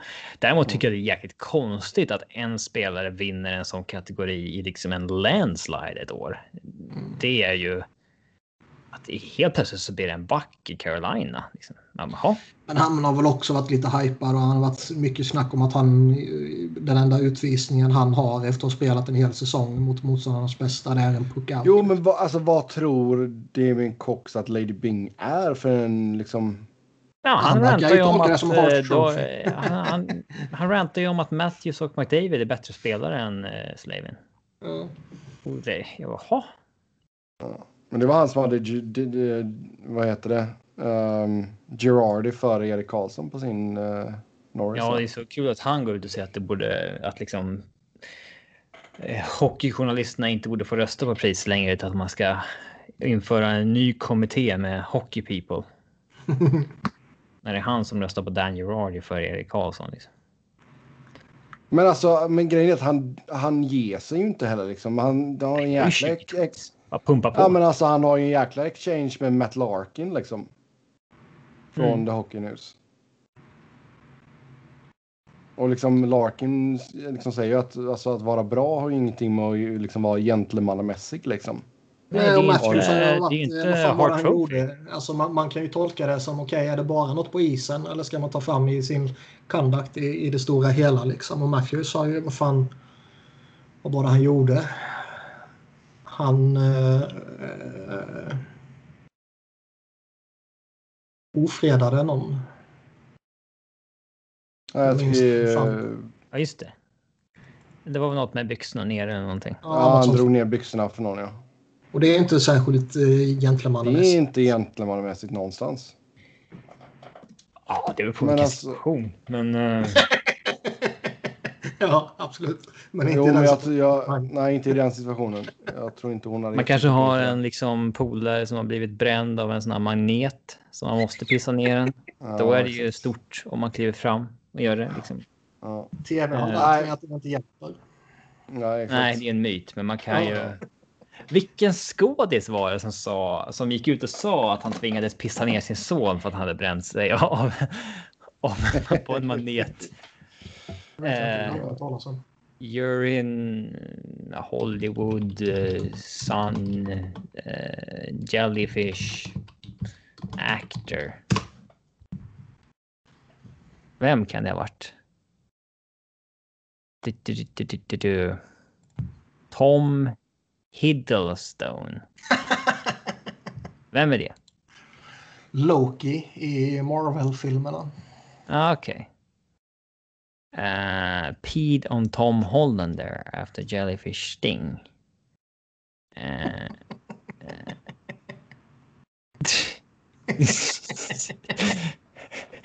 Uh, uh.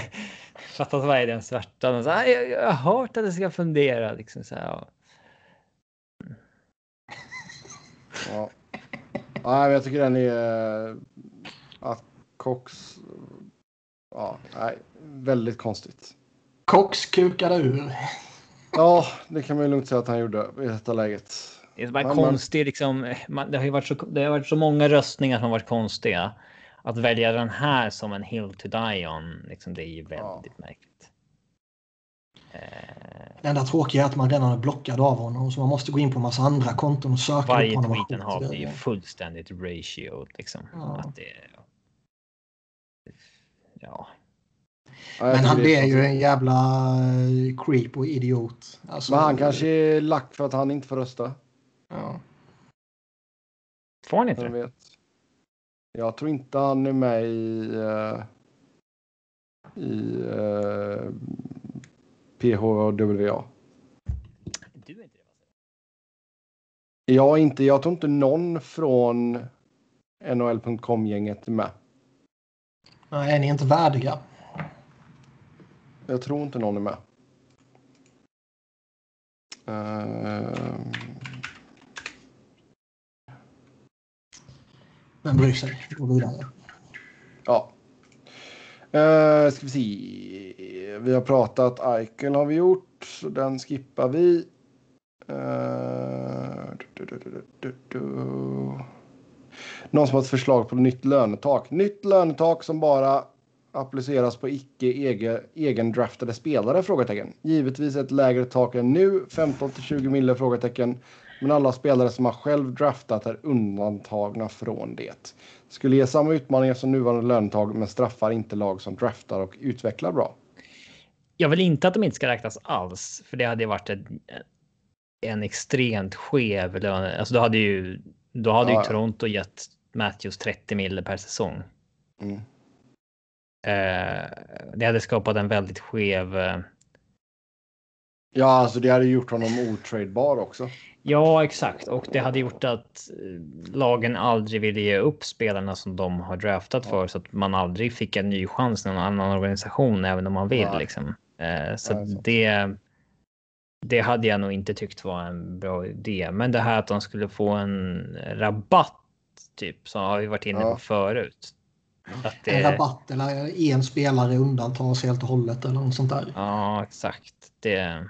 Det tycker jag till och med är väldigt rimligt. Det, det är, och, och, Ja. inte, inte orimligt att införa liksom. Ja, att en undantas, det hade absolut kunnat, för det hade ju hjälpt att driva upp lönerna ganska bra också. Ja. Då hade ju liksom, då hade ju McDavid signat max 15 gånger 15 liksom, eller 15 gånger 8. Så. Mm. Ja. Och, Eh, Ja. Nej, men alltså absolut. Jag tycker inte man ska, man ska inte straffa lag som draftar bra. Det är absolut inte. nej, det gör man ju inte Eh, heller. Det är ingen som straffas. Nej, men samtidigt så. Det är De kostar inte få- mer för att du har draftat dem. Nej, det gör de inte. Nej, det är därför de formulerar. Ja. Uh, nej, men man ska väl belönas för att man draftar bra då, helt enkelt. Eh, Med lite rabatt på dem att man bara betalar i 90% av kappen eller whatever. Eh, Men jag tror att eller- det hade vi problem om de var helt gratis mot taket som jag sa innan. Ja. Det hade varit. eh, Ja, det hade- tror jag, det, det tror jag Ja, faktiskt nej, inte på nej. Ja, men antingen rabatt eller typ den bäst betalda egendraftade undantas eller något sånt där. Ja, alltså MLS, designated players. Ja. ja. Lite rabattkupong helt enkelt som man får eh, skicka in till. Lagen eh, får Batman. 10 rikskuponger var i Ja, på varje exakt. säsong. Fast det är väl ett kort numera, va? Finns det Det rikskuponger finns kvar? inte rikskuponger kvar. Det är- Nähä. försvann 2014 tror jag. Oj då. Ja. Märks att du inte varit hemma ja. på ett tag. Ja. Eh, ja, och sen är Brock Nelson uppe på Logan Coutures nivå när det kommer till punchable faces. Kan inte vara långt bakom i alla fall. Nej, han är väl Jag ser nog... inte han framför mig. Jo, men googla på han är sjukt. sjukt Ja, det gjorde jag nu. Jävlar Eh, eh, han borde absolut ha varit med senaste gången vi gjorde rankingar. Fy fan. Nej, det utmanar inte riktigt eh, Couture. Kanske, men ehm, Alltså Brock Nelson är ju mer, han är ju ful. Couture är ju mer, eh, Gillar kriterierna här. Ja, ja. ja. Um, ska vi se. Sen nästa här då. Jag fattar att ni inte kan hata på domarna i varenda podd. Det tycker jag Niklas gör, men ändå. Men har det någonsin varit så här illa? Var det likadant när Blackhawks vann sina kupper? Jag tror domarnivån sänktes permanent när St. Louis fick vinna med sin grishockey. Sedan dess har det bara gått ut för Vad tror ni? ja, men det, det blir liksom. De har ju hamnat i ett hörn nu här när de typ vad de än gör blir fel. Eh, Helt plötsligt får Vegas inga utvisningar efter att Mm. Peter Bohr har gått ut och knällt på att de har fått för mycket. Och det visar ju det är ett dåligt tecken alltså. Eh, men sen också. Vi vill ju att de bara ska följa boken, ta utvisningar och inte hålla på game management. Liksom att så här, men nu har de fått tre i rad. Nu kan nu krävs det mer för att de ska få en fjärde i rad. Jo, exakt. Den vill vi ja, inte ha. eller liksom typ, ja, nu Sen är det två minuter kvar. Nu Samtidigt, kan, samtidigt har ju sporten utvecklats på ett sånt sätt att de kan inte ta ordagrant för regelboken för då skulle det inte finnas några spelare tillgängliga längre. Efter... Nej, det är dags att skriva om hela regelboken då så att vi faktiskt har en bok vi kan följa. Ja, Eh, och sen, sen blir det ju också fel när, när de väl tar bara de utvisningar de gäller. Då går Brynda Moore ut och säger att det är sjukt att de fick dubbelt så mycket utvisningar som oss. Så ska det inte vara en match. Det ska vara jämnt. Mhm. Då, då är han dum i huvudet liksom. Eh, så att nej, det. Nej. Jag vet inte vad de ska göra, men. Nej. eh, det, Mm.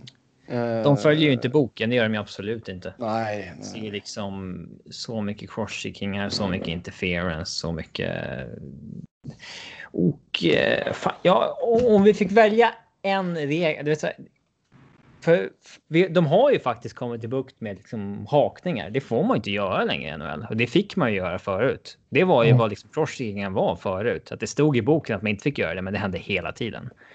Eh, det bestämde de ju sig för att slå hårt mot och sen har spelarna anpassat sig efter det. Men ta bort de måste här jäkla cross, liksom, vad crosscheckingarna. nästa grej skulle vara. Att det här får man inte göra längre. Vad skulle man ta då? Crosschecking. Ja, det hade jag nog också valt att så här. Framförallt hade side-duellerna blivit mera spel än att det står en kille som bara får 10 crosscheckingar i ryggen. Ja. Att liksom det blir mera kamp på riktigt om pucken. Så hade jag fått välja en regel de går ut med nästa år. Så, nej, det här kommer vi verkligen slå ner hårt på. Att så fort man gör det här kommer man åka ur.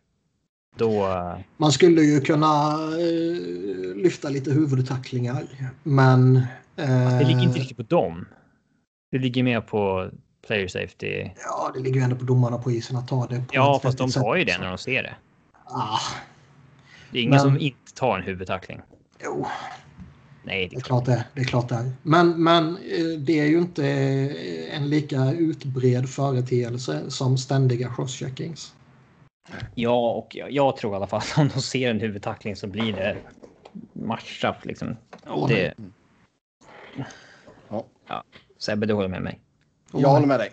Ja. Jag håller med dig. Varför har ni fel båda två? För varför väljer ni att ha fel? Medan med ser de ju men de tänker att det kan vi inte ta alla. Nej, ta bort Kelly den här McCrimmon has tested positive for covid-19. Grattis.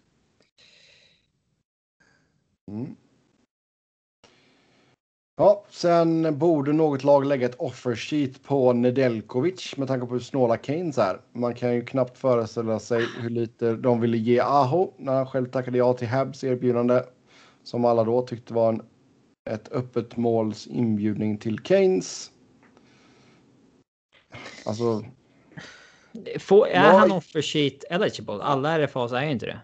nej, det vet jag inte på rak arm. Men jag vill ju se fler Ja. offer sheets generellt sett. Det var en intressant eh, grej eh, där en eh, Flyers writer på Han- SB Nation Ja. Han är arbitration eligible i alla fall. Så mycket vet jag. Tyst, nu försöker jag koppla in lite Nej, Flyers. inte det. Han är arbitration eligible. Men- han... Nej, ta bort det här flyersnacket. Nej, men det har inte med gång. Flyers att göra. Det var bara de som kom på tanken att Mhm. eh, han hade suttit och kollat på typ Vancouver, hopplös eh, kappsituation och både Elias Pettersson och eh, eh, vad heter han? Quinn Hughes var eh, RFAs. Och nu visade det sig att Quinn Hughes inte är en sån spelare som man kan offersheeta. Men innan de såg det så hade de tanken liksom att okej, okay, först offersheetar vi Quinn Hughes på ett rätt saftigt kontrakt. Och det kommer Vancouver att matcha. Och när de gör det så offersheetar vi Elias Pettersson. Och då kommer inte Vancouver ha utrymme att matcha. Ja, men lagen gör ju inte så. Nej, det Jag kommer vet, aldrig... dels vet jag inte om man får offersheeta samma. Det finns, det finns säkert någon jävla regel om det också. Om att Ja, man kan ju inte, man kan inte göra det samtidigt. Liksom. Nej, man, det finns säkert någon ha regel om att du inte får offersheeta mer än en gång per sommar eller någonting. Eller inte samma lag eller whatever. Men även om det finns Kanske. det så. Jag har aldrig hört något om det. Nej, för att vi aldrig ens kommer till punkten av att offersheet är halvaktuellt. Uh, hur som helst så lag. Det fungerar ju inte så att man vill sätta ett lag i knipa och gör det. Alltså då det blir liksom. Det är så jävla orimligt. Det står klart och tydligt i regelböckerna att så här får ni göra. Ändå så anses man inte få göra det. det ta bort möjligheten om det är ett sånt jävla problem då. Nej, det är så här, de tävlar mot varandra om bra spelare. De tävlar om att skriva bäst kontrakt. De tävlar på isen. Men helt plötsligt så just i det här området, där ska man vara good guys mot varandra. Ja. Det är så jävla orimligt. Det är jävligt konstigt. Men det finns ju absolut inget lag som skulle liksom medvetet pissa ner en annan organisation på det sättet för att stjäla deras bästa spelare. Alltså det hade Nej, inte hänt. absolut inte. Det- Och skulle typ Chuck Fletcher eh, göra så eh, så gör han ju sig fiende med hela ligan. Ja. Jag har ju sagt det tidigare. Paul, Paul. Holmgren eh, upplevde det ju som svårare att göra sitt jobb efter att han offersheetade Shea Webber. Ja.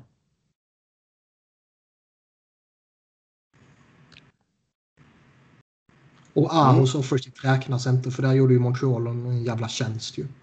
Ja. Men sen samtidigt alltså. Det man skulle kunna göra, typ som med Aho, eller så här, det är att man signar ett, ett kort kontrakt då. Att spelaren går till UFA. Att det Ja, inte signa är... ett tvåårskontrakt pissdyrt. Ja. Eh, som leder till UFA. Där liksom man vet att jag själv kommer nog ha större chans att signa den här killen om, alltså typ som Rangers. Vi kan nog signa om den här killen, men Columbus vill inte att deras spelare bara signas till UFA-status. Mm. Då sätter man ju dem med lite mer av problem. Ja. Ja, eh, Men då gör man ju samma sak. Man gör det ju bara Men- för att vara jävlig mot dem och det kommer ingen göra.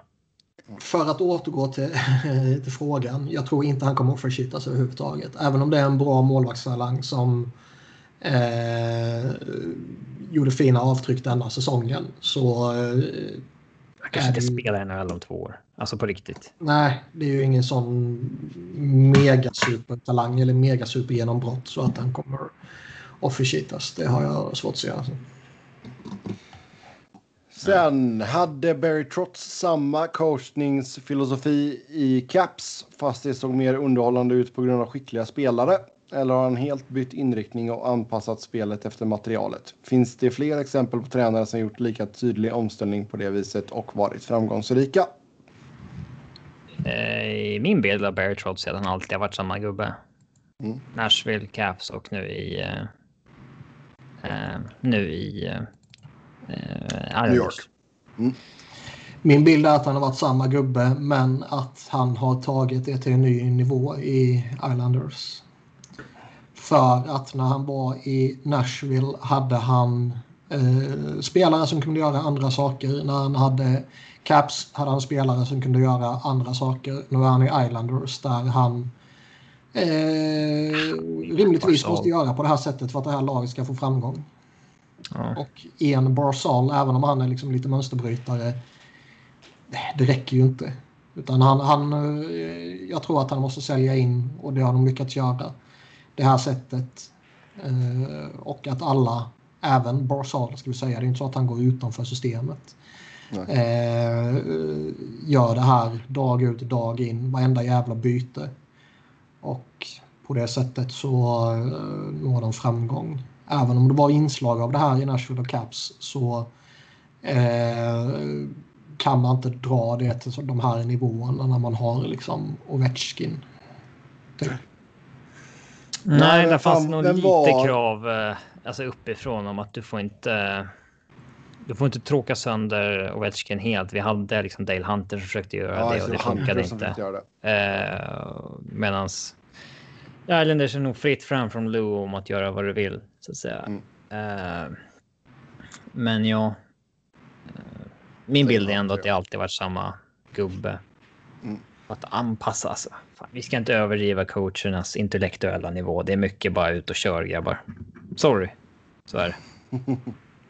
Ja, Så är det, men jag, men jag tror genuint att Barry Trotz kan vara någon form av undantag. Ja, han verkar vara en av de bättre coacherna, ja. Sista frågan för idag. Är det generellt inte dumt att trada för spelare som blir UFA efter säsongen som till exempel Taylor Hall? Endast lag som är topp 4 i ligan kan tjäna på det eftersom deras fönster är nu. Oftast offrar man mycket för en spelare som blir UFA och så går man inte långt och kan inte signa den spelaren. Alltså borde det vara smartare för lagen att behålla sina draftval om man ändå inte kan gå till final. Bara se Savard i Tampa, kostade mycket för dem men är typ lika usel som Claesson. Är dock försvarbart i Tampas fall eftersom deras fönster är den här säsongen.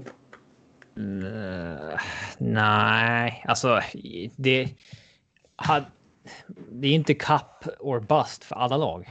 För vissa lag så är det en jävla grej att ta sig en runda eller två för första gången i organisationens historia. Och ja, Savard är ingen superspelare och hade Tampa. Tampa hade nog gärna adderat honom innan säsongen, men det hade man inte råd med. Utan de måste ju. De måste ju vänta in lönetaket. Mm. Spelarna blir ju billigare ju längre de väntar lönetagsmässigt. Däremot så tycker jag att det är konstigt att. Uh, det är många som tradar för liksom djup i slutet på säsongen. Typ som Avs gjorde i år med Nemet, med Carl Söderberg. Uh, jag har lite svårt att förstå det här med att en spelare, ingen vill ha en spelare under sommaren. Han signar ett år för en miljon någonstans. Men sen när det kommer till trading deadline, då vill helt plötsligt lag betala ett andrarumsval för honom. Ja. Det har jag svårt att förstå. Ja, det har vi sett många gånger för. När spelaren var tillgänglig för dem att ha utan att betala ett draftval tillgänglig hela säsongen. Men man är villig att betala ett draftval för att ha spelaren en fjärdedel av säsongen. Mm. Det är konstigt. Det är absolut konstigt. Mm. Med det så tar vi stänger Eh, en... Ja. Det, det finns ju även den här liksom att eh, jag tror väldigt många GMs eh, agerar för att visa att de liksom försöker och Mm. vill behålla sitt jobb. ja, ja, absolut. Spela spelet väldigt bra. Ja, Ja. jag tror absolut det finns eh, väldigt många tillfällen där en GM vet om att vi kommer liksom inte kunna utmana men eh, ägaren kräver att jag gör någonting. Då måste jag ju betala om jag vill Mm. behålla mitt jobb liksom. Ja, exakt. Vaska ett andrarumsval helt enkelt. Ja, Mm. det kan ju även finnas eh, en, en liksom, Det är det väl värt om du får behålla jobbet. Ja. Det kan även finnas ett behov av att eh, ja, du, du har frågetecken på någonstans och då behöver du säkra upp och då får du betala för det. Liksom det jag tycker ändå man kan hitta rätt många argument för att eh, det kan vara bra att ge upp draftval för att få in spelare även om det bara är kortsiktigt. Jag håller ju med Robin också i, i största allmänhet att eh, det är inte kapp eller bast för alla lag. Yes. Nej, Däremot kan, man, ju- däremot kan man ju inte göra det ständigt som det kändes som att Flyers gjorde under en period där man hela tiden skickar picks för att få lite quick fixes eller få lite förstärkningar inför slutspelet och bara slösar med lite first rounders här och där och så plötsligt har man eh, efter att ha gjort det i några år ingen återväxt överhuvudtaget. Dåligt skött förening där. Och så fick du in dem på slutet också. Då tar vi och stänger igen butiken för den här gången. Som vanligt så kan ni köta hockey med oss via Twitter. Mig på att Seb Norden, Niklas på Niklas Wiberg. Niklas på... Alltså vill Andra ni köra halvlek. resten så... Vill ni köra resten av frågorna så uh, go for it.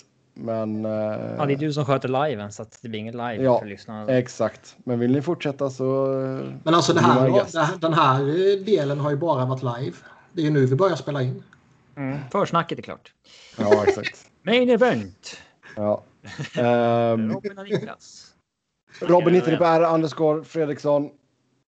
podden på SV Fans NHL podd, podd med ett D. Tills nästa gång. Ha det gött. Hej. Ska du stänga av eller? Uh, jag vet inte, hoppade Sebbe ur? Nej, jag är kvar. Ah, okay. uh, jag vet inte, vad hade vi mer i uh, schemat då? Vi har några tradeförslag från Rangers. Som, Rangers, som vi ska ta ställning till? Uh, vad vill de ha av oss då? Rangers? Det är ju för Jack Eichel. Jack Eichel? Ett förslag på Schneider plus Kraftsov eller Skyttil. Eller Bushnevich plus Georgiev plus två stycken första val. Schneider? Vem är Schneider? Eh, eh, fan heter han? Men det är ju en... Eh, ja, nu står det helt still i huvudet. En prospect? Ja. Va? Ja. Nej, nu, hopp, nu hoppar jag av. Nu är det dags att äta Ja. Hej då. dra du. Ja, vi trodde inte du var kvar. Braden Schneider. Jaha, nej, alltså, jag, jag vet inte hur bra han är. Alltså, nej. Jag har väl generellt... Jag, jag tror absolut att eh, det finns jättestora sannolikheter att Buffalo kommer fucka upp Jack Eichel-traden. Jag... Skulle de kommer jag inte däremot fucka upp vara... den som Riley igen. De kommer inte låta... De kommer Där, däremot liksom, ska- man trada en Jack Eichel och man ska trada honom till New York Rang- Rangers så ser jag ju inte hur man kan göra en trade där man inte får en av Lafreniere eller Kack. Ja, det anser jag också. Det ska vara en centerpiece i hela traden. Ja. Sen kanske man behöver ta på sig någon spelare med någon form av lönekostnad för att balansera ut lite. Och det kanske är en Ryan Strom eller någonting. Ehm. men jag ser inte hur man kan släppa Eichel till Rangers utan att få någon av de två. Det vore en sån jävla... Eh, ja, misslyckande. Ja, det vore det verkligen. Uh, Visst, man kan ju få Adam Fox och då kanske det är fair, men eh, det lär inte ske. Nej, nej. Men liksom som sagt, en, av eh, Lafreniere eller Kakko, man kanske ska få någon av eh, målvakterna, då kanske det är Georgiev. Rimligtvis. Ehm. kanske ytterligare någon prospect, kanske ytterligare någon pick. Och sen kanske någon roster player för att balansera upp lite lönekostnader bara. Om man fick välja var Eichel hamnar då? Är Eh, du så övertygad om honom att du vill ha honom på 10 millar i Flyers? Alltså är man så övertygad om hans... Det är klart att det är en första line-spelare och så vidare, men är det liksom den, den nivån? Har han åstadkommit mycket mer än vad Matt Duchene hade gjort så långt in i karriären? Jag tycker han är en eh, toppcenter som... Eh, Det var ju Matt Duchene också. ja, men, ja, men jag tycker inte riktigt på den nivån. Jag tycker Jack Eichel är snäppet upp. Jag tycker Eichel är en... Eh, sen en. Buffalo. Det är svårt att säga. Ja. Ja, men liksom sätta in honom i, i en omgivning som i Flyers man ändå får anta är eh, bra. Liksom. Så tycker jag ändå han borde ha förmågan att lyfta laget. Sen finns det ju frågetecken kring honom. Det, den här nackskadan är ju en grej. Det finns väl även lite sådana här karaktärsfrågetecken över honom. Som kanske suddas ut om han kommer in i en riktig organisation. Och alla organisationer nästan är ju riktiga organisationer i jämförelse med Buffalo. Mm. Men det finns ju ändå några sådana här, eh, man har ju fått lite intrycket av att han kanske kan vara en douchebag typ. Det kanske man är för att man är i misären i Sabres eller så är man det för att man är det som personlighet. Sen beror det på lite eh, vad man betalar för att få honom. Alltså släpper man en av JVR eller Voracek som eh, huvuddel rent pengamässigt liksom. För det måste nog till. Mm. Men sen beror det på lite vad man betalar utöver det. Hur många picks och prospects och roster players i övrigt måste kompletteras för att man ska vara tillfreds med traden. Jag vet inte. Det är svårt att ta ställning till utan att liksom, se något konkret. Mm. Jag skulle absolut inte ha något emot honom i Flyers. Jag tror att det skulle vara ett lyft för Flyers. Um, Vad skulle, alltså. Då snackar vi ändå en Connectney och som start kanske. Kanske att Connectney är den där löneposten som man behöver flytta. För en lönepost måste ju flyttas. Ja, och man kan inte slänga in någon som bevisligen haft negativ value alla Ghost liksom. Nej, jag tror eh, har man flyt så blir det väl en Voracek eller JVR. Men då måste man väl betala lite mer i övrigt. Connectny kanske man inte behöver betala lika mycket i övrigt. Men eh, då måste man eh, nog skaka undan ytterligare lite lönekostnader också. Men det kanske man löser via expansionsdraften. Alltså, The Athletic hade ju en genomgång där de gick igenom lag för lag vilka Seattle skulle ta och alla de tre, jag kommer inte ihåg vilka det var, det var ju de Lychuskin eller vad fan han heter och sen två till. Alla de hade ju JVR till Seattle. Ja. Och då, jag menar, då har man ju lite löneutrymme att spela på.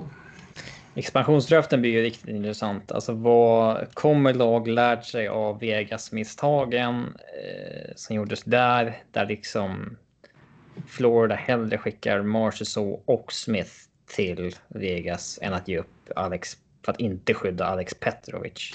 ja. Alltså det... Eh, historiskt uselt beslut liksom. ja, jävlar i mig. Eh,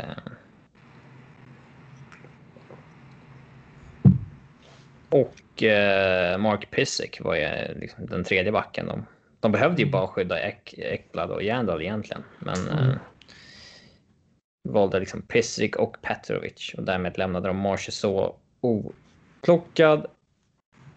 Vegas tog Marchessault, sen bytte de ett val mot Riley Smith bara för i en cap dump för att Florida inte vill ha kvar Riley Smith som är liksom en hur stabil NHL-spelare som helst. Produ, produ, point producer. Mm. det anmärkningsvärt. Minst sagt. Men jag menar, kan man inte få Jack Eichel så ser jag ju hellre att han sticker västerut såklart. Ja, nej, det där spelar ingen roll.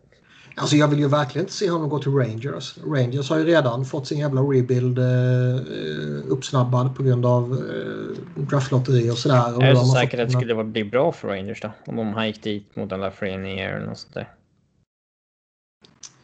Kortsiktigt, eh, ja.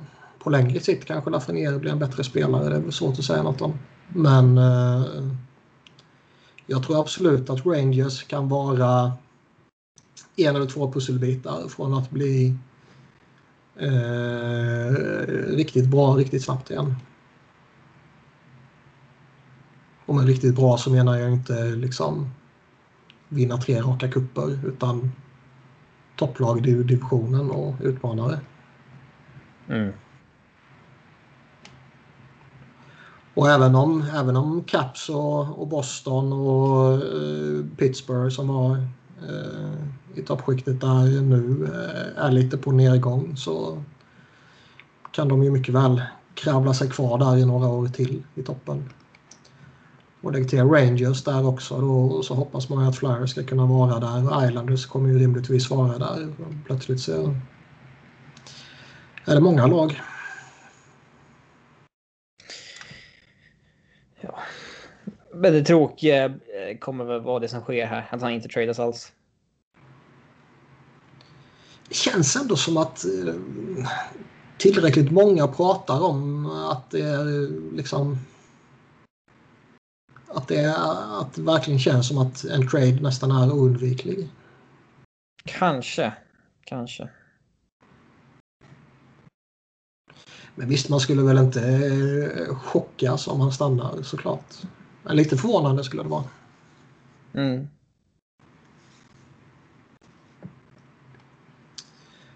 Men eh, ja, Western, om det sen blir LA eller Minnesota eller Anaheim eller vad fan det har pratats om. Det,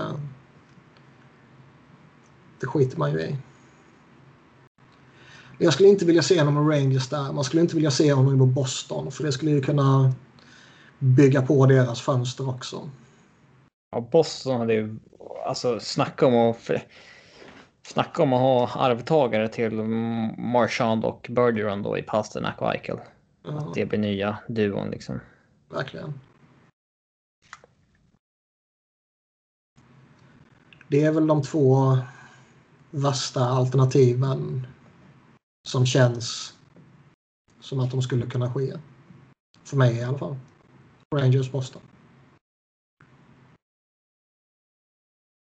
Mm. Jag tror inte något annat lag som har någon form av rivalitet om man säger så med Flyers är eh, aktuella. Caps kommer inte gå efter honom. Pittsburgh kommer inte göra det. Det är ju den grejen, man ska ha 10 miljoner i löneutrymme.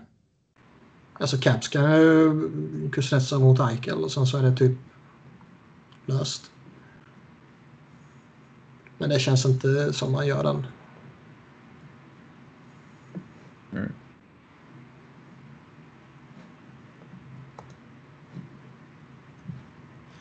Anaheim och jag vet inte. Det känns bara, visst de vill väl försöka bli relevanta igen men det känns det känns som de saknar för mycket för att de skulle bli relevanta bara att peta in honom. Ja, kanske. För de måste ju rimligtvis ge upp någonting för att få honom också. Och även om de inte ger upp eh, Seagrass eller eh, Drysdale så kommer de väl ändå ge upp någon bra spelare som kommer försvaga någonting någon annanstans. Typ. Ja. Nej, Anaheim. De kan nog gå in i en ganska lång period av irrelevans. Så de har redan varit i några år kan man säga. Ja. De hade den här väl... sista cup-runnen med Kessler och sådär liksom. Det är väl John Gibson som kan uh, hålla dem flytande. Ja, det är det. Getzlaff kommer väl snart sluta. Josh Manson har ett år kvar och är de fortfarande skit kanske han sticker efter det. Eh,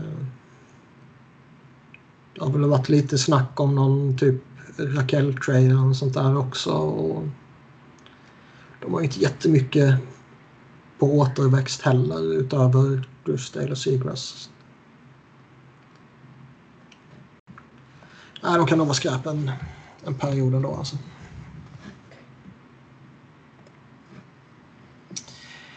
Eh, har vi något mer på listan? Vi har lite inför draften, men det kanske man får vänta lite med. Vi har lite inför expansionsdraften.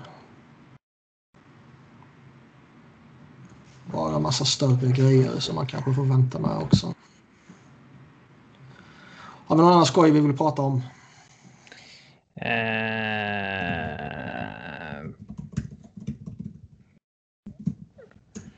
Uh, nej, jag vet inte. Eventuellt inte.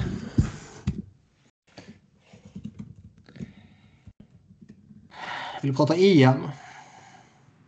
Ja, visst. Det finns oerhört mycket att gilla med det här landslaget numera, anser jag. Men sättet som de hanterar så jävla mycket kring eh, covid protokoll och bubbla, skit och grejer är ju anmärkningsvärt alltså. Dels att, att, att det skulle fuckas ut det här med, eller fuckas upp det här med ledigheten. Det, det var ju inte oväntat direkt. Och nu har de tagit in en jävla frisörer. De bryter bubblan för att ta in frisörer så att de ska ha snygga frissor. Alltså. vad är det för jävla nivå?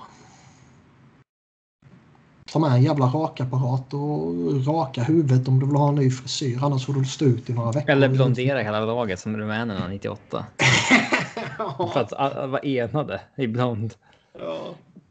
Det där vi snackade om i Offsides podcast någon gång. Att det var ju spelare som sa det var ju dåligt, eh, dålig färg i håren och sådär som gjorde, fick allergiska reaktioner och sår i huvudet, kunde inte sova. Alltså, riktigt dålig idé. Hela England får göra som eh, Foden. Ja, Gassa-style. visst. Men jag tycker det har varit rätt roligt EM. Det är några som gnäller över att jättemånga matcher har varit tråkiga. Men jag tycker bara det har varit några enstaka matcher som har varit tråkiga. Ja, jag tycker väl det har varit kul också. Alltså, Jag, ty- jag är fortfarande inte riktigt eh, landat i att det är kul att det spelas utspritt över hela Europa. Liksom det, Nej, det är inte kul. Det är jävla skräp. Men samtidigt... Det hade skulle- varit skillnad om de här matcherna kunde varit liksom fullsatta. Alltså att de som fick hemmamatcher fick verkligen Ja. grymma tillställningar så. Eh, eh, Där märker man ju, alltså typ Ungern är, jag vet inte om det är 100% i beläggning, men det är ju hur mycket folk som helst ju.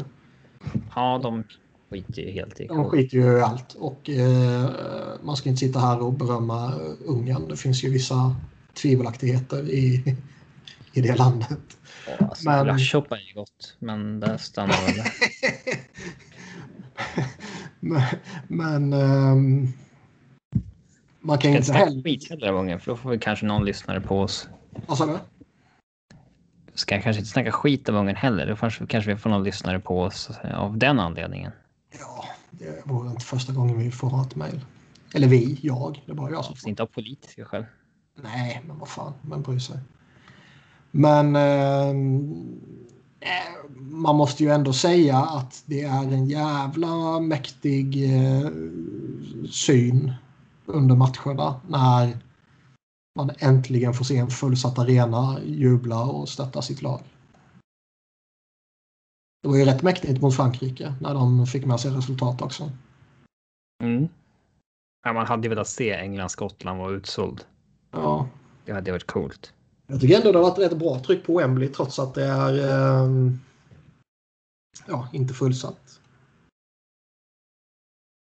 Amsterdam har man ju har det varit rätt mycket folk på också. Det har varit bra tryck tycker jag.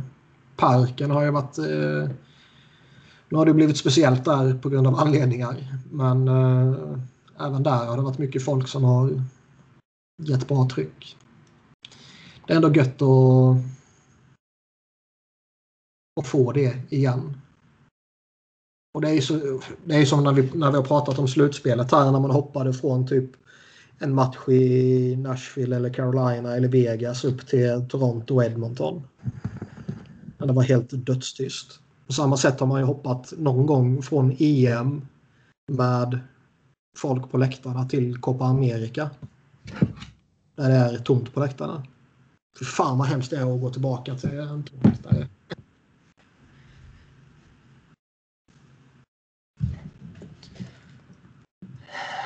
Annars Italien ser ut att vara på riktigt.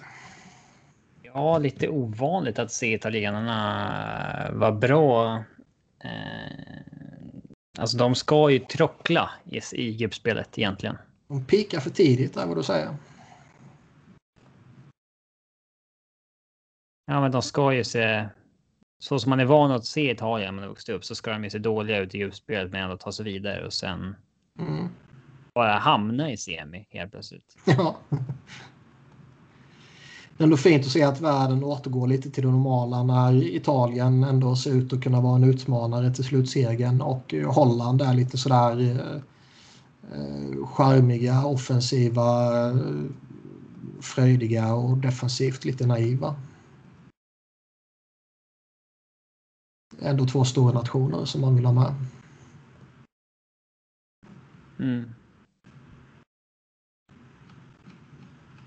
Annars vet jag inte om det finns mycket mer att säga om EM. I en NHL-podd. Har vi något sista vi vill säga om NHL eller ska vi lägga ner? Eh, nej, det kan vi väl lägga ner. Då gör vi så. Vi fick lite extra tid utan Sebbe. Alltid skönt. Mm. Men vi eh, hörs väl kanske nästa vecka med lyssnarna. Med lyssnarna. Ja. Vad fan säger man? Till lyssnarna, åt lyssnarna, för lyssnarna. För, kanske. Ja.